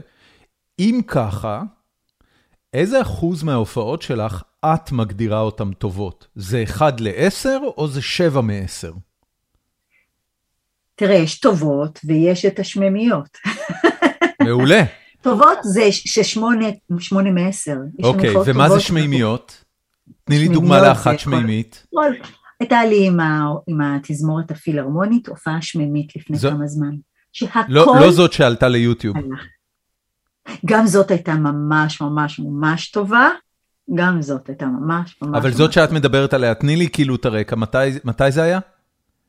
ההיא פשוט הייתה off the, the end of corona, כאילו. אוקיי. Okay. זה היה בהיכל התרבות עם התזמורת הפילהמונית. זה כולנו היינו גם במין סוג של חזרנו להופיע והנה היכל התרבות והנה התזמורת הפילהמונית והנה הסאונד המדהים שעוטף והיה מנצח מקסים שכל כך התאמץ ועבד עם, עם התזמורת מדהים וכל הנגנים, כולנו היינו במין state of mind כזה של grateful to be alive, grateful to be making music, humble in the face of the beauty of music, praying in the temple of the God of music. ממש, זה היה פשוט משהו כל כך מרגש, והכל הלך, והקהל היה על עננה, והקול שלי יצא כמו מים מהגוף, או ציפור, לא היה שום דבר, שאת, לא, היה, לא היה מאמץ, היה רק זרימה מדהים, קוסמי, אני אומר לך, מסע יש, פתאום, יש, מדהים. אה, יש תיאוריה פסיכולוגית אה, שנקראת Flow Theory, שמעת על זה פעם? לא. Flow Theory בעצם אה, מדבר על, על Optimal Human Experience. על, על, על זה שיש לנו סיטואציות שבהן בגלל צירוף שלם של נסיבות, כמו שאת מתארת עכשיו, אנחנו חווים חוויה אנושית מיטבית, והפסיכולוג שכתב את, ה, את התיאוריה הזאת, שאני, שאני פשוט לא מצליח להגות את שמו כל פעם מחדש, כן. הוא, הוא בעצם אומר, הדבר הזה הוא תחושה של כמו... אה, כמו לשחות בתוך הזרם. זאת אומרת, את שוחה והזרם מעצים את השחייה שלך למהירות שאת פשוט נכון. עפה קדימה. ו- ולזה קוראים flow theory, והוא מביא המון דוגמאות מכדורסל, את יודעת, כשל, כשלשחקן יש... אה, אני, יש לי המון דוגמאות מהעולם את, שלנו. את מכירה המון. את התחושה הזאת, וזה מה שהיה שם פשוט. הקהל יודע שהוא נמצא באירוע כזה? נראה לי שכן, לפי התגובות שלו, כן. אתה יודע, הרבה, פעמים רבות אני שומעת את התגובות אחרי. אני מקבלת, אני נורא קשובה, אני אוהבת לקרוא את הדברים שאנשים כותבים, ואנשים שפונים אליי, ו, ואני אוהבת מאוד לפגוש את הקהל אחרי ההופעה, מאוד, יש לי סבלנות, אני יכולה להיות עד, עד שכבר מעיפים אותנו מהאולם וכבר המנקים הלכו, אני עדיין אהיה שם ואדבר עם אנשים, כי זה נורא אוהבת לדבר עם אנשים, אני אוהבת אנשים באופן עקרוני, הם לא מפחידים אותי, הם לא מעצבנים, יכולים להעצבין, אבל, אבל באופן, ב, ב, בדיפולט, אני אוהבת נורא בני אדם. כן. ו, וזה נורא כיף פתאום לחוות את, ה, את מה שהבן אדם, מה הוא לקח, מה, איך זה השפיע עליו, איפה זה נוגע בו, זה פריבילגיה ענקית, דורון, אני, מאוד, אני אומרת לעצמי, מאוד מאוד. איזה פריבילגיה זאת לגעת לאנשים בלב, וזה שהמוזיקה לפעמים ממש עוזרת להם להתגבר על דיכאון, על משבר, על, על עצב, על אובדן, על, בתקוות, והם צריכים, הם צריכים את זה, וזה, זה, זה... יש משהו שמישהו פעם אמר לך ככה אחרי הופעה, ש, ששינה לך אה, משהו בהופעה או בסגנון של, של ההופעה? זאת אומרת, משהו שאת אומרת, אוקיי, אני זוכרת את האמירה הזאת של... מישהו שבא ואמר לי, וזה, וזה שינה אותי. זה, זה עשה לי... זה עשה לי... זה לא, זה לא רק הליטוף והחיבוק וה... את יודעת, לקבל את, ה, לקבל את הפידבק הרגשי שאנחנו כל הזמן מחפשים, אה, אל, אלא תראה, משהו שגם תראה. אמרת, אוקיי, אני הולכת לעשות עם זה משהו. אני, אני uh, שיניתי הרבה דברים בהופעה שלי ובדרך שאני שרה במשך השנים, אבל אני לא חושבת שזה, אני לא יכולה להגיד לך איזה משפט כזה או אחר שהיה טריגר, זה תהליך בלתי פוסק של ביקורת עצמית, של אה, לא, אף פעם לא ננוח על זרי הדפנה, תמיד להיות בחיפוש ובלמידה. אה, אחרי כל הופעה גילי ואני, והמורה הכי גדול שלי זה גילי כמובן, כי גיל דור היה המורה שלי בית ספר, הוא המשיך להיות מורה שלי, אולי גם אני לימדתי אותו כמה דברים, אבל אני חושבת שאי אפשר להשוות בכמה למדתי ממנו. אה, אנחנו מאוד, אנחנו לא מוותרים לשום דבר, אנחנו מדברים על ההופעות, אנחנו בוחנים, אנחנו מנסים להשתפר כל הזמן, אנחנו כל הזמן יורדים לדיטיילס של ה... מה קורה אם אתם לא מסכימים? אנחנו רבים. איך זה נראה? זה לא מגיע לוויל סמית וקריס רוק, אף אחד לא דופק לאף אחד סטירה. כן, מישהו סיפר לי על זה, אבל למה הוא דפק לו סטירה? מה קרה שם בכלל? למה הוא כך כעס? בטלוויזיה? was that like prime time or something? תקשיבי, זה משהו שהוא כל כך outrageous, שחצי מהאינטרנט בטוח שזה בכלל פייק ומבוים. כן. אבל מה שבפועל קרה זה שקריס רוק עלה להגיש את אחד הפרסים של האוסקר, וכדרכו התבדח עם הקהל, וזרק לג'יידה פינקט סמית, אשתו של וויל סמית, שהוא מחכה לראות אותה ב-G.I. Jane 2. G.I. Jane זה סרט שבזמנו היה עם דמי מור, וזה היה סרט מאוד, כאילו הוא התפרסם בזה שהיא גילחה את הראש בשבילו, כי היא משחקת שם marine. וג'יידה פינקט סמית לא מגלחת את הראש בכוונה, היא מגלחת את הראש כי היא סובלת מאיזה מחלה שנקראת alopecia, משהו כזה. והיא מגלחת את הראש כדי שלא יראו שיש לה קרחות וזה.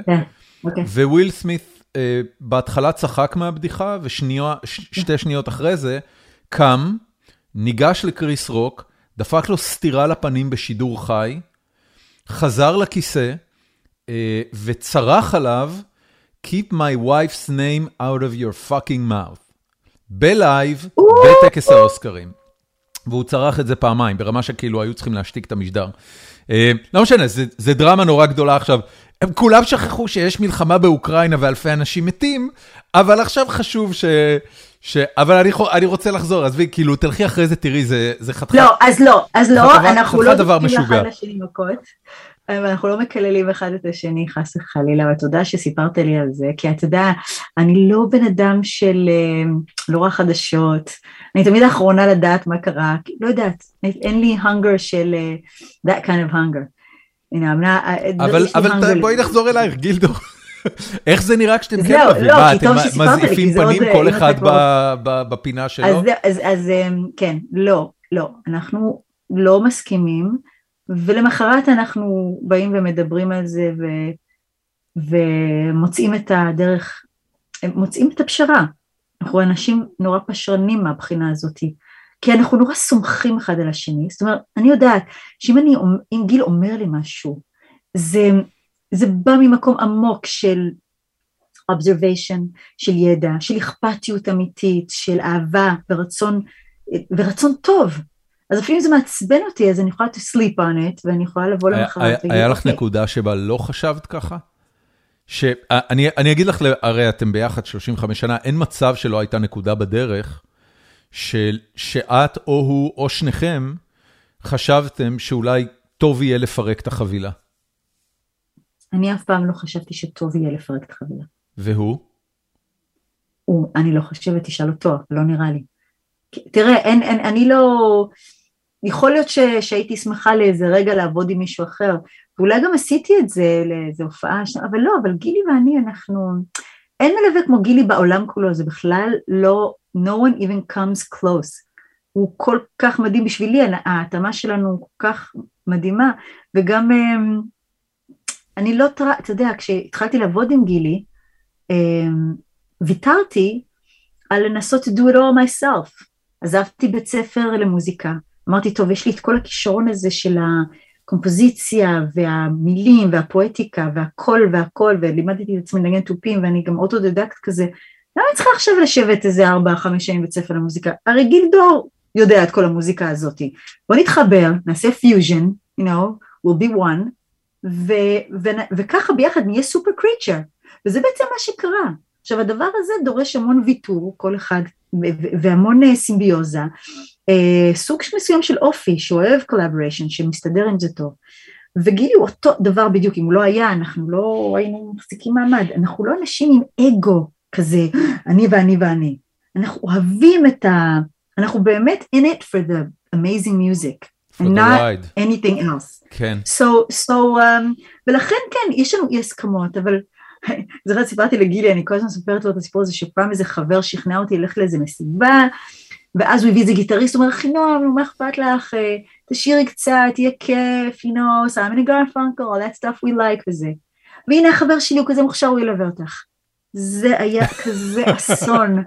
אני עד היום, אני כזו מתקשר לדבר עם החבר הזה, כי כל כך סבלתי, מה שסבלתי פיזית, ואחרי זה התקשרתי לגילי, אמרתי לו, או גילי, אין, אין, אין, אין מלווה, אין, אין. אין כמוך. זה מקסים. זה סתם דוגמה קטנה ומאפנה, אבל היא אומרת הכל. זה גם נורא חשוב, את יודעת, ההכרת תודה הזאת, אה, זה לא מחזיק בלי זה. תגידי, את מרגישה, אני רוצה רגע לדבר על היחסים שלך עם, עם הישות המכונה מדינת ישראל. דווקא בגלל שאת מופיעה כל כך הרבה בעולם, יש לך פרספקטיבה על מדינת ישראל מהמון אנשים, מהמון עמים שאת פוגשת, שהם לא ישראל. במובן הזה, כשאת מגיעה לשם, את מן הסתם שגרירה של מדינת ישראל, וכשאת נמצאת פה, אז את צריכה, את, את יודעת מה חושבים אחרים עלינו בכל מקום בעולם, או בוודאי בהרבה יותר מקומות בעולם מרוב הפוליטיקאים שלנו, אגב. מה זה, מה, איך, איך זה מרגיש כאילו מבחינתך? איך זה, איך, איך נראית החוויה הזאת? אמ, תראה, אה, אני, אה, אני מאוד, נתחיל עם זה שאני גדלתי בבית ציוני ואני מאוד אוהבת את מדינת ישראל. וגם בחרתי אותה בתור בית ש... ההורים אה, שלך היו אמריקאים פרופר או שהם היו ישראלים שעברו הברית? לא, לא, לא, פתאום, ההורים שלי תימנים. ההורים שלי ישראלים תימנים, שבאו, אבא שלי קיבל מלגה ללמוד ב-University of Rochester, והביא את המשפחה, הביא את אישה צעירה עם שני תינוקות קטנים. באיזה גיל הם היו? למד, עשה את ה-PhD שלו. מה? באיזה גיל הם היו כשהם עברו? הם היו בשנות ה-20, השנות ה-20 שלהם ואנחנו היינו תינוקות, הם הביאו אותנו מאוד מוקדם לעולם. הם היו זוג צעיר תימני ישראלי עם שני ילדים קטנים באמריקה פתאום, בגלל שאבא שלי באמת הוא איש יוצא דופן ואיש חכם מאוד מאוד מאוד, ו... וקיבל את המלגה הזאת, אחרי זה עבר לקולומביה יוניברסיטי לעשות את ה-PhD שלו בהנדסה כימית, ו... והמשיך. ללימודים ולעבודה ולהכל הכל. אמא שלי גידלה אותנו ביחד עם סבתא שהייתה איתנו גם. יא, אנחנו גדלנו בבית מאוד אוהב ישראל, מאוד ציוני, אמא שלי גם הייתה די דתייה, אבל היא עזבה את זה. הלכנו לישיבה, הם שלחו אותנו לישיבה, modern orthodox ישיבה, כזה משהו, זה המצאה אמריקאית, בישראל לא כל כך מבינים מה זה אומר ישיבה בארצות הברית, אבל um, בית ספר דתי, uh, למרות שלא היינו דתיים בבית בכלל. Um, גדלתי המון עם ציונות ועם הנרטיב היהודי ו, והכל, וגם עליתי לארץ ובחרתי בישראל ואני ממשיכה לבחור בישראל, זאת אומרת, אני אוהבת מאוד את העולם. אבל אני מאוד אוהבת את ישראל. וכל הפעילות שלי היא בעצם בשביל להביא את ישראל למצב שלפי תפיסת העולם שלי, הכי מדהים שהיא יכולה להיות בו, זאת אומרת להגיע, להשיג את הנחשף, זאת אומרת באמת, אה, ביטחון, שלום, פתיחות, אהבה, שמחה, שגשוג, שוויון, כל הערכים האלה. כן. אה, כדי שנוכל להמשיך לגור פה, כשהילד, כדי שהילדים שלי יגורו פה, כדי שהמפעל הציוני הזה לא יתפרק לחלוטין. אבל לפי תפיסת העולם שלי, בלי שלום ובלי שוויון ובלי הזדמנויות, שוויון הזדמנויות ובלי שגשוג ועם מלחמה כל הזמן ועל החרב וכל הדבר הזה, אז מי צריך את זה? יש אופציות אחרות בעולם, העם הישראלי יודע מצוין לנדוד, העם היהודי אלוף הנדידה ונטישת מקום אחד לטובת מקום שני, למה שנשאר פה? נשאר פה המקום הזה צריך להיות אופטימום. ובאמת כמו שאמרת, לא, לא הבנתי את, ישראל... את המשפט האחרון. בשביל שנשאר פה, בשביל שהעם היהודי יצליח, 아, את, אומרת, כדי שהפרויקט הציוני יצליח, כן, המדינה כן, צריכה להיות מעולה, כי אחרת עדיף כבר לנדוד ולהיות במקומות אחרים? נכון. ישראל, העם ישראל, העם היהודי עשה את זה ככה, וימשיך לעשות את זה, זאת אומרת, אין לו שום בעיה, הוא גם עושה את זה, תסתכל על הנדידה למקומות אחרים, ברלין, ניו יורק, זאת אומרת, היהודים יודעים מצוין לזוז, ומי תמיד נשאר? הקנאים. תראו, ההיסטוריה חוזרת על עצמו מצוין. כן. אבל, אז הקנאים הם, הם יישארו, הם יחכו למשיח anyway. אבל, ה, אבל השאר, כאילו, שזה אני והילדים שלי וכולנו. צריכה להיות להם מדינה טובה להיות בה. כן. מה? כן. בואו נייצר כאן בית נפלא, שיש כאן שפה עברית מדהימה משגשגת, שיש כאן תנאי מחיה, אה, ערכים, אור, אור לגויים, אבל לא בקטע יהיר שאנחנו נראה לכם מה זה אור, לא, שיהיה כאן אור באמת, שיבוא אור מהמקום הזה. וזה, ועל זה אני עובדת, ובעצם, מהרגע שנפתחו עיניי, שגיליתי שבכלל יש בעיה, כי בתור ילדה ונערה, מי ידע מה זה פלסטיני, מי ידע שיש בכלל כיבוש, מתי זה היה? אני בכלל גיליתי את כל הדברים האלה רק בשנות ה-20 לחיי, אפילו okay. אוקיי. שהייתי בצה"ל לא ידעתי מה זה, כאילו רק... התחלתי לעבוד עם גילי והתחלתי להסתובב בעולם והתחילו לשאול אותי מה דעתי על הבעיה בישראל, אמרתי איזה בעיה? בהתחלה, אני הייתי כל כך כאילו, you know, clueless, לא ידעתי כלום, אבל ברגע שנפתחו עיניי, זהו, אני כבר לא סגרתי אותם אף פעם מאז. Yeah, I'm almost finished, okay? Sorry, No, you're not. זה- זה האוכל. כן. Yes, I am, we've been doing this for an hour, דורון. No, you're not almost finished. We just got I'm started. almost finished, it's weird because I have to make some food. No, you're not. אוקיי, זהו, תשמע, תשמע, אני אשמח. בקיצור, אז uh, התחלתי את המסע שלי מרצח רבין בעצם, uh, כש, כש, כשאוסלו התחיל, והשלום, וזה היה מדהים, האופטימיות, ההתרגשות. ואז רצח רבין, שאני עמדתי על הבמה, אתה בטח יודע, אני לא יודעת אם אתה יודע, כן, ששרתי אני uh, הייתי כמה, בקהל. כמה דקות לפני, כי אתה היית בקהל, אז אני הייתי על הבמה, אז ירדתי על המד... מה- מאותן מדרגות, שהוא ירד, הוא נרצח, אני התפרקתי, כמו הרבה מהדור שלי, מה... אה, הייתי בהלם, אבל התגובה שלי לא הייתה הלם קטטוני ומה עושים ובכי ודמעות, למרות שכמובן הייתי בהלם וגם בכיתי. התגובה שלי הייתה אוקיי, מתגייסים, מתגייסים להרים את, ה... את הלפיד שנפל ורצים איתו קדימה. וככה התחילה המעורבות הפוליטית שלי. והיא הייתה דרך, אה, וואו, דרך מטורפת, ש, שבה אני בן אדם מאוד אימפולסיבי, עם בטן ועם נשמה ועם הרבה אש בזה. ולא דיפל... אני לא בן אדם פוליטיקאית, ואני לא בן אדם שיודע לדבר ככה במניפולציות, אני פש, פש, יאללה להסתער. זרקת את זה. כן, ואני, אבל אני, כמו שאני אומרת, אני בן אדם מאוד מאוד אוהב את ישראל ומכירה את, את האחריות האדירה שיש לי. כשאני מסתובבת בעולם, הקהל שלי לא יהודי וישראלי, הוא קהל כאילו אמ, של גויים, אפשר לומר, שלרבים מהם אני הקשר היחידי לישראל. ואני גאה לייצג את הצד השוחר שלום של ישראל, לספר על ישראל ועל כל העבודה המדהימה שנעשית פה, הפוטנציאל המדהים שיש פה, ולעבוד כל הזמן למען השלום, בכל דרך אפשרית, שזה מה שאני עושה. ואני אסיים את המונולוג הזה בלומר ש... שלא ענה לי על השאלה בכלל, אגב. אבל זה בסדר. אה, אה, כן, לא עניתי על השאלה? לא, לא באמת. אני אני יודע מה קרה פה, אגב. רוצה לחדד את השאלה בדיוק, מה ש- עוד מה? שקרה זה שאני שאלתי שאלה, ואת, כן. אה, במה שכנראה היית מוכנה אליו נפשית, אה, ידעת שאני מגיע לנושא הפוליטי, ואז נתת לי את המניפסט אה, הפוליטי שלך. אה. אה, מההתחלה ועד סליחה, הסוף. אז אולי... לא, לא, לא, זה אז ממש בסדר, תקשיבי. תחדד לי את השאלה כדי שאני אענה עליה. אני, אני חושב שמה שעניין אותי ספציפית בעניין הפוליטי, אה, אה, כולם יודעים את, ההיסטוריה האישית שלך, גם עם הבעת דעות פוליטיות, וגם כן. עם ה-Backlash הציבורי המטורף שהדבר הזה בטח הביא עלייך, ואפילו רציתי לשאול אותך איזה, איך זה השפיע על הילדים שלך, כי הילדים שלך בטח גם אכלו לא מעט קש מהסיפור כן. הזה, אבל מה שאני שאלתי זה משהו הרבה יותר בסיסי, זאת אומרת, כשאת אה, פוגשת אה, עמים אחרים אה, בהופעות הרבות שלך בחו"ל, כן. אה, מה הם חושבים על ישראל ועלייך בתור אה. מייצגת של ישראל? זה היה... אה, אוקיי, אז אם זה הדבר היחידי שאתה רוצה לדעת, אז כן. מה הם עכשיו אני חושבים יודע על כבר הרבה ישראל? יותר. ראשית, ראשית אני לא יודעת מה הם חושבים על ישראל, כן? כי אני לא שואלת אותם, אני לא מתעסקת בזה בהופעות שלי בכלל. Uh, הרפרטואר שלי נע בין באך לג'אז, לשירים מקוריים, לפעמים שירים תימנים, תמיד יש עברית, אבל אני בטח לא, you know, זה, זה לא uh, שירה בציבור של שירי ארץ ישראל, וזה לא, ישראל זה חלק מהעניין. Um, יש לפעמים אינצידנטים, למשל יכול להיות להיות הפגנות uh, של ה-BDS, למשל. אנשים של ה-BDS הזאת- הפגינו בהופעות שלך?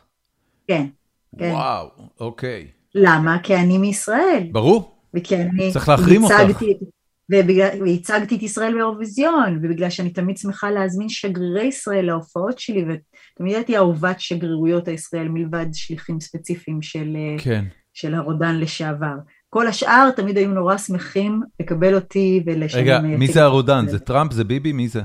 זה ביבי. אה, אוקיי. ביבי נציגים, זה הרודן? כאילו כשיש שגריר, ש, לש, לשעבר אמרתי, הש, כשיש שגריר מסוים שהוא שליח ביבי אז הוא בטח לא ישמח לבוא להופעה שלי, אבל כל השאר גם תומכי ליכוד והכל אנשים שפויים, אנשים פתוחים, כי אני בן אדם מאוד פתוח ואוהב את עמו, תמיד שמחו לבוא לה- להופעות שלי, ולכן גם ה-BDS אה, מחרים אותי, כי הוא צריך שאני אשרוף את הדרכון הישראלי שלי במדורת העיר, ואני לא אעשה את זה, ממש לא. וזה היה דבר אה, כמובן פרדוקסיאלי, כי בארץ חושבים שאני עוכרת ישראל, שזה כמובן שקר וכזב, ובחו"ל חושבים שאני אה, הורגת ילדים פלסטינים, שזה גם שקר וכזב. זה, כן, זה, כן, זה יש- מבאס יש- החלק זה- הזה? זה משהו שאת אומרת, אוקיי, אני אומנית ישראלית, בינלאומית, this is the shit I gotta put up with. כן, אבל יש גם אנשים, למשל אסף אבידן, שיש לו הצלחה גדולה בכל העולם, לא מחבר את השם שלו לישראל. לא תראה אסף אבידן ישראל, never. הוא לא עושה את זה, הוא לא רוצה את זה, הוא לא שר בעברית. He could be from the moon, for, for all anyone knows. אם מישהו ממש שואל אותו, אז הוא מוכן להגיד את זה, הוא לא מדבר על שום כשאת מסתכלת על זה, את בעצם, אני אני מנסה להבין, את אומרת, תקשיבו, אני אני עושה בחירה הרבה יותר אמיצה פה. לא, אני לא רוצה לתת לעצמי מחמאות, זו הבחירה שלי. Okay. אוקיי. ואם זה אמיץ, לא יודעת, אחד יגיד שזה טיפשי, אחד יגיד שזה אידיוטי, הוא, הוא בטח יגיד שזה אידיוטי, אבל זה לא קשור, אני, אני, אני עושה את זה כי זה מה שהלב שלי אומר לעשות, ואני עושה מה הלב אומר, גם מבחינה מוזיקלית, גם מבחינה ערכית, ככה אני פועלת וזאת הבחירה האישית שלי ואני לא באה לבקר שום אומן, אומנות זה על חופש, חופש בחירה, חופש ביטוי, אם זה מה שהלב שלך אומר, go for it. טוב. אבל ככה אני רואה את הדברים. תקשיבי, אמ-, אמרת שאת תכף צריכה ללכת להכין אוכל, ואחד הדברים שאנחנו עושים אה, בפרקים שלנו זה, אמ, יש לנו קבוצת פייסבוק שנקראת פורום החיים עצמם של גיקונומי, ובו אנשים שואלים שאלות אה, שאני אחרי זה יכול להעלות בפרק. ואתמול פרסמתי שאני הולך להקליט פרק איתך, ולצד ה... אמ, הקבוצה המצומצמת של, אה, את יודעת, אה, עוכרת ישראל הסטנדרטי, אה, שהיו כן. אגב מאוד נתונים, אבל, אבל כן עלו שאלות. אני כן, כן רוצה, דווקא בעניין הפוליטי, כן. לשאול אותך, אני מניח שיש לך חברים פלסטינים, אני מניח שאת נמצאת בלא מעט דיאלוגים שהם דיאלוגים פתוחים כן. של אנשים חיוביים מהצד השני כן. אמ, של הסכסוך הזה. כן. מה הפתרון מבחינתם? זאת אומרת, לאן, לאן זה אמור להתכנס? שתי מדינות לשני עמים? זה הפתרון הרצוי על, על, על ה... תראה, זה נורא מוזר לשאול שאלה כזאת, מה זה מבחינתם? אתה יודע, זה עם של מיליוני בני אדם. זה כמו לשאול על ישראלים, כן, מה, מה הפתרון מבחינת ישראל? אם תשאל, לא, אין, אין, אין. יש קונצנזוס בישראל? אין קונצנזוס בישראל. יגידו, אם תשאל את אלה הם יגידו אנחנו על החרב נחיה תמיד, אם תשאל את אלו הם יגידו רק שתי מדינות לשני עמים כי אחרת אנחנו נהיה כאן, יש כאלו יגידו מדינה אחת לכל אזרחיה זה מה שצריך, יש כאלה שיגידו אנחנו עכשיו צריכים להעיף את כולם לים, כאילו what are we talking about, אנחנו לא נמצא כאן בין, את, את, רוב לשום רעיון, הלוואי שנגיע לרוב ואולי אם היה לנו הנהגה ראויה. ואגב אני עם כל ההסתייגויות וזה אני חושבת שיש לנו עכשיו ממשלה נהדרת, באמת, את כאילו אני מסתכלת, שוב, לא החלום הוורוד שלי או משהו. את רק מכניסה אנשים... את בנט ליותר צרות עם האמירה הזאת. אני לא, אני לא יודעת לא, אני יודע, אני צוחק, אני, תקשיבי. אני מאוד, אתה יודע, אני, אנחנו מדברים עכשיו ביום שהתכנסו שרי חוץ מכל מדינות ערב. נכון, בשדה בוקר, מדהים. זה וואו, ממש. זה וואו, ושבנט הלך לשארם זה גם וואו, אנחנו כמובן, אנחנו מדברים, נכון, יש כאן, שמעתי אתמול את יאיר לפיד מדבר גם, אתה יודע, אני חושבת, הבן אדם, האנשים האלה, וישבתי היום עם תמר זנדברג, אני מקדמת עכשיו איזה פרויקט שקשור ל... ל, ל, ל, לים האדום ולשמירה על הטבע, אני מאוד מעורבת בזה עכשיו. אישה מדהימה, ניצן הורוביץ, יש איש, גם מימין, יש אנשים טובים בממשלה הזאת. יש בעיות, יש המון בעיות, צריך לפתור את בעיית הכיבוש כבר, אבל מינווייל אנחנו עושים, אני חושבת, עשינו צעדים אדירים קדימה וזה מעורר תקווה. כן. עכשיו לגבי הפלסטינים, אני לא מקנאה בהם, הם במצב מטורף של שנים של כיבוש ושל אי תקווה, גם אכזבה נוראית מההנהגה שלהם. אני נפגשתי פעמים רבות עם אבו מאזן, אני רואה בו הרבה דברים חיוביים, אבל יש גם המון המון לא, בעיות. הוא לא מושחת בטירוף. אומרים שהוא כן. בזה, רוצים, הרוב הגדול של העם הפלסטיני רוצה שהוא, שהוא כבר יפרוש. אתה יודע, הם, הם, הם, הם, נמאס להם כבר, מי יבוא במקומו? We don't exactly know. האם זה יהיה יותר טוב למשא ומתן או לא, אפשר רק להתפלל. אתה יודע, יש הרבה פלסטינים שחושבים שצריכה להיות כאן מדינה אחת. עכשיו, בתוך המדינה האחת הזה, יש כאן, אה, רק שנייה, מה זה אומר? מה זה אומר? מי יהיה שליט במדינה הזאת? איזה שפה אנחנו נדבר פה? האם זה יהיה מרחץ דמים forever? מה אתם רוצים מלחמה? כאלה אומרים לא אנחנו רוצים לחיות עזבו אותנו תנו לנו שקט כלכלי עזבו אותנו מכל ה... ויש כאלה שאומרים מה פתאום אנחנו, אה, אנחנו רוצים עדיין את הכבוד שלנו אני אישית חושבת ששתי מדינות זה עדיין הפתרון הנכון ביותר לאזור הזה. אני לא רואה איך פתרון אחר מביא אותנו למצב שאנחנו מצליחים לחיות פה עם הזהות שלנו, עם התרבות שלנו, עם השפות שלנו. שתי המדינות האלה צריכות להיות מהר מאוד קונפדרציה, זאת אומרת הן צריכות לעבוד ביחד בכל הבעיה כלכלית וביטחונית ולשמור אחת על השנייה. גבולות פתוחים והכל. כן, אנחנו כן, אנחנו צריכים את, ה, את האזור, אנחנו חייבים את, ה, את מדינות האזור שתתמוך בה, שתתמוכנה ותיתן לנו ביטחונות לביטחון שלנו. קיצור, מזרח תיכון חדש, של... שמעון פרס, כן, רק ייקח מאה שנה נוספות להגיע לשם. אבל יש הפתרונות לפנינו כבר, והפלסטינים, תאמין לי, אני אומרת לך דורון, אם הייתי ראש ממשלה, הדבר הראשון שהייתי עושה, זה הייתי אומרת לפלסטינים ככה, תראו, וזה מה שהם, ואתה שואל אותי בשיחות שלי, אני מרגישה בלב שלי, שזה מה שהם הכי רוצים. קודם כל תכירו בעובדה שאנחנו לא סתם אנשים צמאי דם שרוצים לרצוח אתכם. אתם פגעתם בנו, לקחתם לנו את מה שאנחנו תופסים כמולדת שלנו. יכול להיות שהיה לכם סיבה טובה, אבל זה גרם לנו לצער. תכירו בצער שלנו, קודם כל. תכירו בזה שגרמתם לנו צער. מה אתם כל הזמן בהצטדקות הזאת ועושים מאיתנו סתם רוצחים צמאי דם? לא נכון. כשאתם נאבקתם על המדינה שלכם, אתם גם הייתם רוצחים צמאי דם. אתם פוצצתם אוטובוסים ומלונות ועשיתם את כל מה שהיה צריך בשביל להגשים את החלום שלכם. כן. תנו לנו את הקרדיט שגם לנו יש חלום תכירו בצער שלנו. זה לא אומר שאתם חוזרים לאושוויץ ואתם לא חוזרים לים. מדינת ישראל היא עובדה מוגמרת, אנחנו מוכנים לקבל את העובדה, הם כבר אמרו את זה מיליון פעם, אבל לנו יש את חוק הנכבה. אצלנו הצער שלהם הוא מחוץ לחוק. למה? זה עלבון, וכשאתה פותר את העלבון של אנשים... התשובה ללמה היא מאוד מאוד פשוטה, כי ישראל היא מדינה צעירה שעדיין לא סיימה לגבש את הזהות שלה. אבל לכן, דורון, את, את יודעת את זה, זה לא... אבל, אבל למה היום, גם האמריקאים, רק כדי... לא, רק, סליחה. רק, שנייה, שנייה. גם האמריקאים הכירו בעוול שהם גרמו ל Native Americans רק 200 שנה אחרי שהם עשו אותו, ורק אחרי... אנחנו לא צריכים 200 שנה, כן, דורון. ורק אחרי שהם לא גמרו לא לגמרי את ה Native Americans. אנחנו העם היהודי, אנחנו עם הספר, אנחנו יכולים להתקדם מזה כבר. כן. הבנו, ביססנו כאן מדינה מדהימה, היא חזקה, יש צבא, יש הייטק, יש אנשים מדהימים שיוצאים מפה. זה נורא קשה לאנשים. זה, נורא קשה. לאנשים. אז, אבל הם צריכים להתגבר על זה. הם לא, הם, זה קשה, אז יהיה קשה. אז כן, אל תהיו מופתעים כן, כן. שיבוא איזה אחד וידקור, ויבוא אחד ויפוצץ, אל תהיו מופתעים. תן בואי, לבן אדם בואי נתקדם, בואי נתקדם. לא, אבל אני, זה חשוב, הנקודה הזאת חשובה. תקשיבי, אני, אני, אני רוצה להגיד, רגע, אני רוצה להגיד משהו. אה, בהרבה מאוד מובנים, ובוודאי במובן שלבן אדם יש זכות מלאה לדעתו, אה, אני ואת חושבים אותו דבר. אה, יש את העניין הפרגמטי של איך מתמודדים ביומיום עם כל מיני דברים, ובמקרה אנחנו נמצאים בשבוע לא טוב מהבחינה הזאת, זאת אומרת, איך מתמודדים עם העובדה שבאוכלוסיות מסוימות, שחלקם אזרחי מדינת ישראל וחלקם אה, פלסטינאים שנמצאים תחת אה, אה, משטר צבאי למעשה כרגע, ואין להם זכויות של אזרחים במדינת ישראל. צומחים שם אשכרה קיני טרור, ואיך מתמודדים עם הדברים האלה, ו, וזה נכון שמדינת ישראל נוקטת בגישה שהיא יחסית ענישה קולקטיבית לכל הסיפור הזה, שלא מקובלת עליי, ואני קשה לי מאוד לשפוט את מי שנמצא בשטח, כי אני באמת לא נמצא בשטח. בסוף הרי האנשים שמופקדים על ביטחון אזרחי מדינת ישראל, התפקיד העליון שלהם, כולל להקריב את החיים שלהם, זה ביטחון אזרחי מדינת ישראל.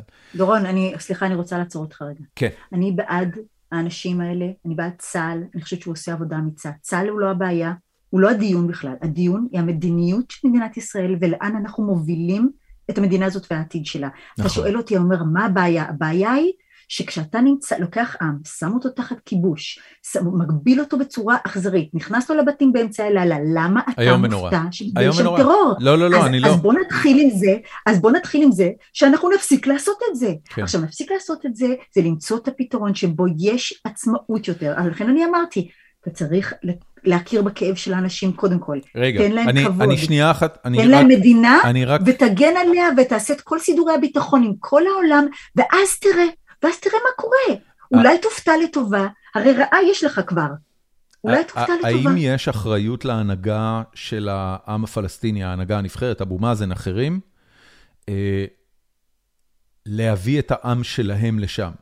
ואני דווקא אומר את זה בתור ישראלי ציוני, הציונים אף פעם לא סמכו על אף אחד. אם יש לך אחריות על ההנהגה שלך, שתביא אותם, איך אתה יודע שזה, אתה יודע מה קורה בשטחים עכשיו עם התפרעות נוראית וטרוריסטית יהודית בשטחים, מי ערב לך שהעם שלך לא יבוא ויתקומם בצורה נוראית ויעשה blood bath? כן. האם המנהיג יכול לעצור כל אחד ואחד? אז אני אגיד לא, לך. לא, לא, לא, זה לא ברמה של כל אחד ואחד. רק שנייה, אז אני אומרת ככה, רבין אמר משפט מאוד מאוד חכם, הוא אמר, צריך להילחם בטרור כאילו אין שלום, ולעשות שלום כאילו אין טרור. אם כל act of terror וכל דבר יפחיד אותנו, וטוב, ונחזור למכירות, ונחזור לזה, ונעשה ככה, בחיים לא נצא מזה. נכון. אנחנו צריכים מספיק אומץ בשביל לקחת כמה צעדים קדימה, וזה לא אומר לפרק את צה"ל, וזה לא אומר לא להיות ביטחוניסטים סופר, אבל באותו זמן לנסות להגיע להסכם ברצון טוב אמיתי, לא באיזה מין פלפול כזה, לא כן. אנחנו בעצם רוצים ככה על איזה דיל, מה, אתה יודע, כמו שאומרים הפלסטינים, איך אתם רוצים לדבר אם אתם ממשיכים להתנחל שוב ושוב, אתם רוצים לחלק את העוגה, אבל אתם ממשיכים לאכול אותה. בואי נעצור. כאילו יש כאן בעיה. זה, זה, אנחנו יכולים להמשיך עוד שעתיים, ברור לי לחלוטין. אבל אתה פתחת את הנושא, לא אני. זה עליך. אני רוצה אבל כן לשאול... אתה רצית לדעת, לא, לא, אי אפשר לבקש שאלה ולא להקשיב אני. נורא נורא מודה לך. אני נורא מודה לך על זה, ואני גם, אני גם אמ, אמ, מקשיב לזה בתשומת לב רבה, ואני בטוח שאנחנו יכולים לדבר על זה אה, אה. שעות, זה ממש לא... אה, אה, לא טריוויאלי, אני, לא. לא, אני לא רוצה לעבור הלאה, בגלל. שהדעות שלכם לא אה, נסבלות בעיניי או לא מקובלות. זה הדיון. כן. מה שאת אומרת הוא לב הדיון של החיים בארץ, לא משנה כלום. אני כן אבל רוצה לשאול אותך כאומן, אה, כן. האם באיזושהי נקודה בשיחות שלך עם גילי, אה, כן. עלתה הנקודה של לא להגיד ולא לא לתקשר את הדעות האלה, לא לעמוד על הדעות האלה, אה, כי לדבר הזה יש פן מסחרי ברור. ואומנים בישראל באופן גורף והיסטורי. לא, לא עם גילי, גילי, גילי הוא שותפי לדברים האלה, אבל בטח שעם אנשים אחרים, ובטח עם ההנהלה, ובטח עם חברת תקליטים, וכל האנשים שה... ומה את אומרת ש- להם בשיחות ש- כאלה? שהם בצד... אה, תראה, אני קודם כל, אני לא מביעה דעה על כל דבר שקורה בישראל, אחרת בכלל לא, לא היה לי זמן לשיר. היו כמה נקודות במשך השנים שהן נקודות בולטות, שבהן אני עמדתי על, על, על איזושה, איזושהי עמדה מסוימת, מתי שהיה צריך. וכן, אני לא מצטערת על אף אחד מהדברים האלה, אני יופי. חושבת שזה מה שאומן צריך לעשות. אמ, זה הדבר הנכון בשבילי. גיל יסור שואל, אה, האם הגיש... אה, רגע, רגע. האם כיום ליוצרים מתחילים יותר קשה או יותר קל ממה שלך היה כשהתחלת את הקריירה? וואי, זאת שאלה מאוד מאוד טובה, ואין לי מושג. כי אוקיי. מצד אחד, לא, אבל כי, כי המצב מאוד מאוד מורכב. מצד אחד, אתה יכול לעשות הרבה לבד, מה שלא יכולת לעשות פעם. נכון. אם לא היה לך דיל מחברת כן, כן, כן, משהו, להפיק, להפיץ, הכל 100% לבד. אתה יכול לעשות הכל לבד. מצד שני, it's in a huge red ocean, כמו שאנחנו אומרים בהייטק, זאת אומרת, יש טונות, כולם אומנים, כולם כותבים, כולם מנסים לתפוס תשומת לב ולעשות ככה ולנפנף בידיים ולהגיד אני, אני, אני, אני, אני, וואו, good luck getting noticed. ואז יש את ה-reality, reality TV, וואו, אני, קשה לי עם reality TV, מאוד. באמת? אני, לא תעשי רוקדים עם מאוד. כוכבים? אני לא יכולה לסבול את זה. למה? ו... איזה להיות איזה מתנשאת. תראה, תראה, לרקוד עם כוכבים בשלנים, אה, לא יודעת, נינג'ה, מינג'ה, בינג'ה, fine, זה entertainment, זה, זה כמו... זה אנשים סופר שהוא- מוכשרים, תראי את רוקדים עם כוכבים, קורעים את התחת על הדבר הזה. נכון, נכון, אבל עכשיו אני מדברת ספציפית, על, כי הוא שאל על מוזיקאים, ספציפית התוכניות האלה של המוזיקה, שהם התחרויות ריאליטי האלה של The Voice וכל אלה, יש לי קושי אדיר איתם, אני חושבת שהן אה, מדגישות בסופו של דבר את הברבריות, זאת אומרת הם כמו גלדיאטורים, יש שם איזשהו סוג של אה, לחימת גלדיאטורים, נכון. ויש כאן משהו שנעשה בשביל רייטינג, הרבה פעמים זה לא ישר, זה לא באמת הבן אדם הכי מוכשר וזה, זה מה שיביא הכי הרבה רייטינג, זה ממש, אני רואה את זה בתור הבתולה במקדש האזטקי, ועכשיו אנחנו מוצאים לה את הלב, והיא בוכה, ואימא שלה בוכה, וכולם בוכים, ואיזה כיף, כל הקהל מריע, גלדיאטורים, דם. קיצור, זה פייק, את פשוט לא אוהבת את זה, זה לא אותנטי אני, בעינייך. אני לא אוהבת דברים פייק, ואני לא אוהבת דברים שעושים אותם בשביל הדם, יזע ודמעות, ואני לא אוהבת את כל העולם הזה, לא. בשבילי זה לא אומנות, כאילו, זה לא אומנות. אוקיי. זה יכול להיות שזה entertainment, יכול להיות שזה ספורט, יכול להיות שזה גלדיאטורים, יכול להיות שזה ממלא איזה צורך אחר, פגאני, אבל זה לא אומנות. ואני לא מתחברת לזה. טוב, בקיצור, אני, אין לי תשובה ברורה, רק ניתוח. כאילו. מי ה- מי המוזיקאים העכשווים? אה, זה ש- אה, יש פה שתי שאלות נהדרות של אה, יונית איינהורן.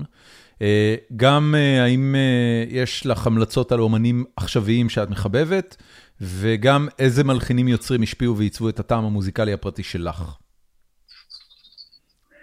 יותר קל לי לעלות על השאלה השנייה.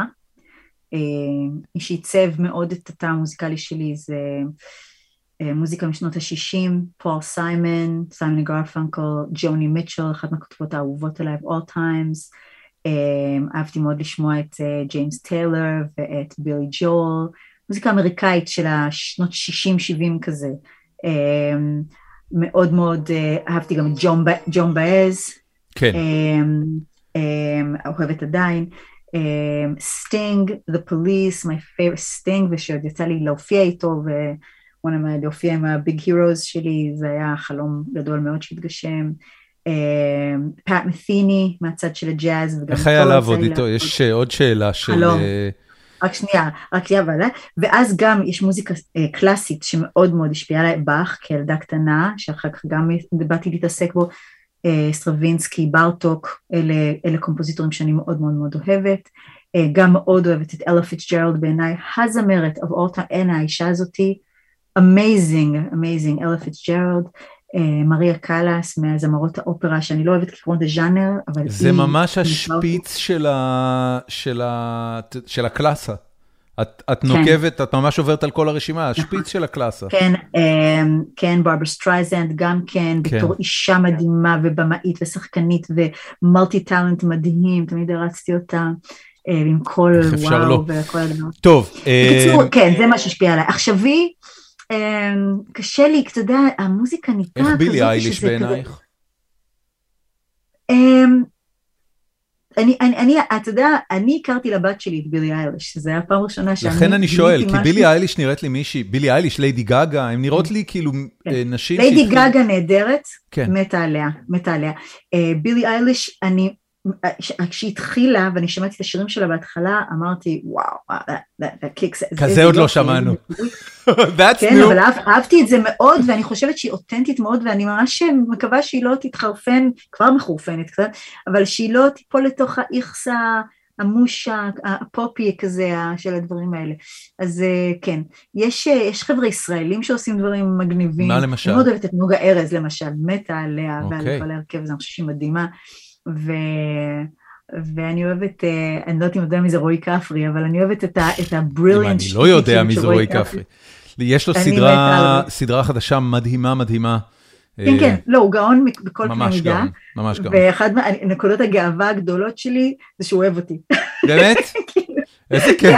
רועי כפרי אוהב אותי. איך את יודעת, איך גילית שהוא אוהב אותך?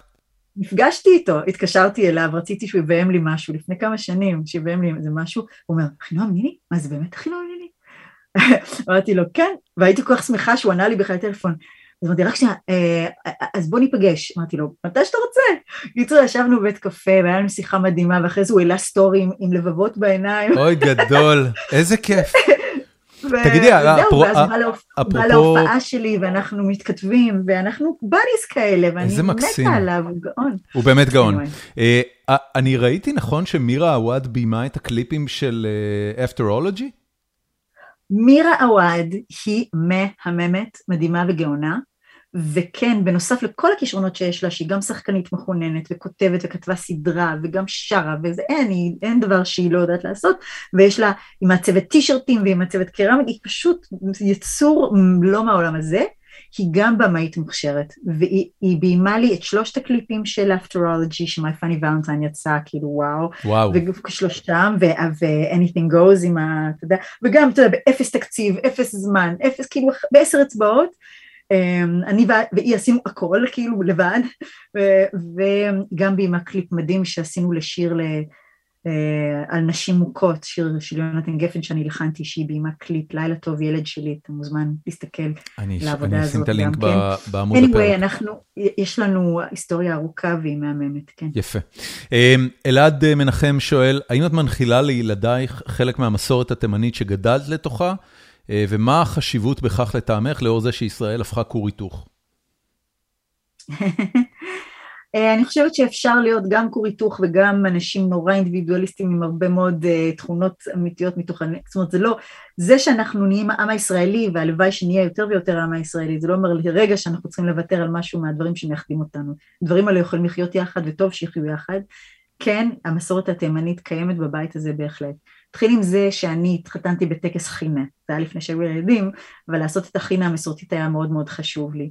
והתמונות כאן שתלויות בבית, והסיפורים על החינה זה אחד הדברים שהילדים הכי אוהבים לשמוע.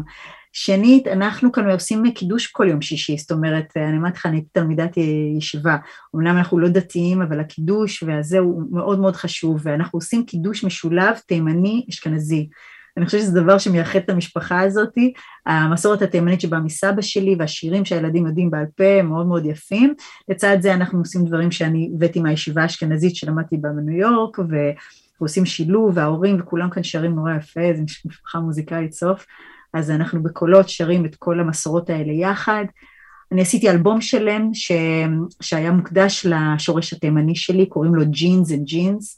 הילדים מכירים את זה, את ההופעה, היה לי טור גדול באותה תקופה בכל העולם, שבה גם הלכתי עם ה... הייתי הולכת עם ג'ינס ועם הכובע התימני המסורתי, הייתי עושה איזשהו פיוז'ן כזה וזה, וזה היה לי גם אלבום חשוב ומכונן עבורי. אז כן, יפה, יפה. Um, נועה הכהן רוצה לדעת למה נועה. כשהתחלתי את הקריירה הבינלאומית שלי, הבנתי מהר מאוד שעם שם כמו אחינועם, אני לא יכולה להסתובב בעולם. אי אפשר להגיד את השם הזה, עד שנועם זה בלתי אפשרי, והייתי צריכה לבחור שם חדש, ואז מישהו הציע לי את השם נועה. עכשיו אהבתי אותו מהרגע הראשון, קודם כל, הוא הלב של אחינועם, אחינועה, נועה חבוי בתוך אחינועם. שנית, יש לו סיפור מדהים, גם אחינועם הוא שם עם סיפור יפהפה מה, מהתנ"ך, אחינועם הישראלית, אחת מנשות דוד המלך, יותר בדברי הימים, פחות בתנ"ך, אבל יש עליה סיפורים מאוד יפים וגדלתי עם זה.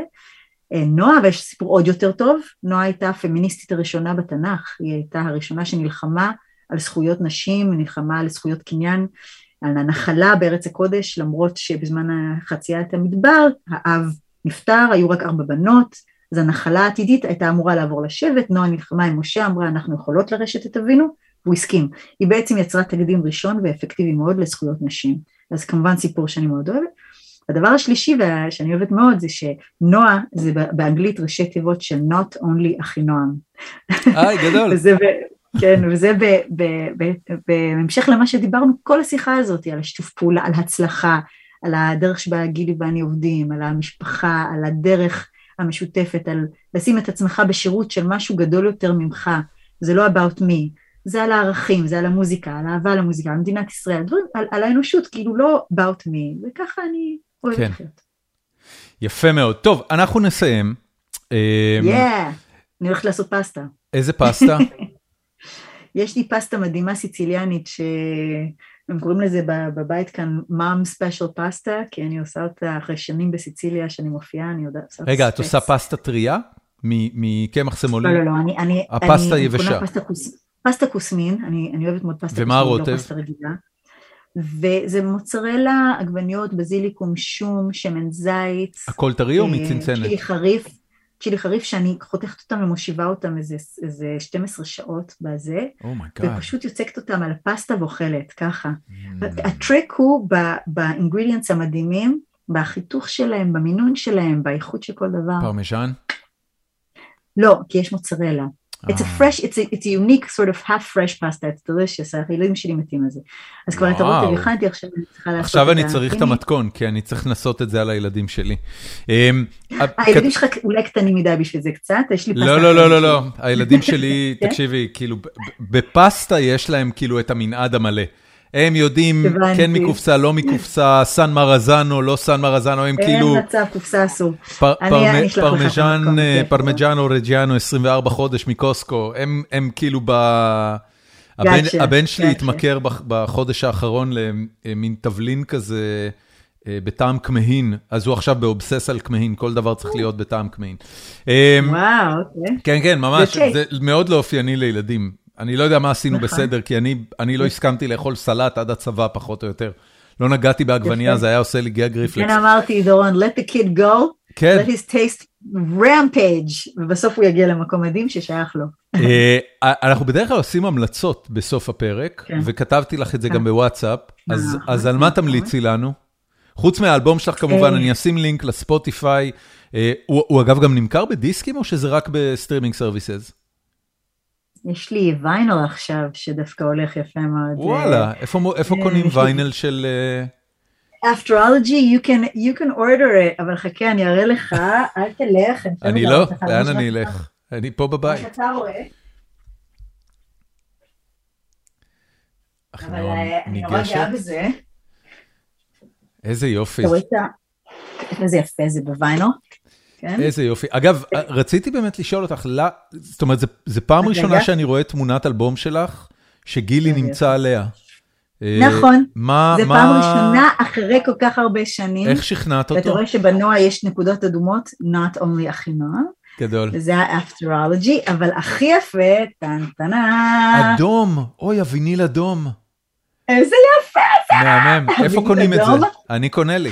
רק בפריז. רק בפריז. זה special edition? של פנאק. פנאק, אם אתה מכיר את הרשת בטח, פנאק. רק פנאק הוציאה את האדום הזה. שחור אפשר להזמין פשוט דרך כל ה... אתה יודע, תיכנס לאתר שלי, אתה תמצא. וואו, לא ראיתי אף פעם תקליט אדום. מקסים. זה ממש יפה בעיניי, כן. זה. נורא יפה. אבל כן, בעיקר סטרימינג, בעיקר... אמ, טוב, ומה את ממליצה לנו? אני אה, קראתי אה, ספר מדהים לאחרונה אמ, על הומבולט, called The. Invention of Nature. Have you heard of, of Alexander Humboldt? לא. Amazing, amazing human being, Alexander Humboldt. The Invention of Nature, זה מה שאני ממליצה, אני חושבת שזה ספר מרגש. אני קראתי כמה ספרים מדהימים לאחרונה, אבל אמ, זה ספר אחד. אני רוצה להמליץ על עוד ספר, שמדברים עליו הרבה, אבל אני חושבת שהוא ספר חשוב. רגע. The Invention the invention of Nature Invention, by Andrea Wolf? כן, כן, the story והוא- of Alexander והוא על- Humboldt. על אלכסנדר המבולט. ומה עשה אלכסנדר המבולט. המבולט? הוא היה adventure, naturalist, uh, explorer, הוא היה איש יוצא דופן בכל קנה מידה. ואיך ההיסטוריה לא נתנה לו את הקרדיט הראוי, God only knows. אלכסנדר כאילו. ו- ון המבולט. Humboldt, Van Humboldt, yes, Alexander Van Humboldt. Van that's right, Humboldt. There's a little Van in there. מה, הוא הולנדי? Yeah. וון. וון Von, המבולט. uh, it's not, but he wasn't Dutch. He was like Austrian or German or something. Anyway, מעניין. I highly recommend that book. I found it to be absolutely beautiful and enriching and informative. הוא פר- הוא Um, פרוסי. I also would like, מה? הוא פרוסי. אלכס- כן, כן. Austrian, German, Prussian, זה, בתקופה שכל הדברים האלו יהיו מעורבבים אחד עם השני. נייס. Uh, say no more, just... כן, לא, אני הולך כבר, מזמין לי. It's wonderful. And then there's another book that I don't know if you've heard of, but it is it's very bespoke, as we'd say. Um, זה ספר שקוראים לו How to Change Your Mind by Michael Pollan. אוקיי. אה, אני שמעתי עליו, זה כזה... Amazing book. כן, כן, כן. טוב, אחינועם Alright. ניני, המון המון המון תודה. בריאות, אושר. אוכל טוב, היה ואני מעניין, מקווה היה שנדבר שוב. מרגש. ותודה, להתראות. תודה, ביי ביי.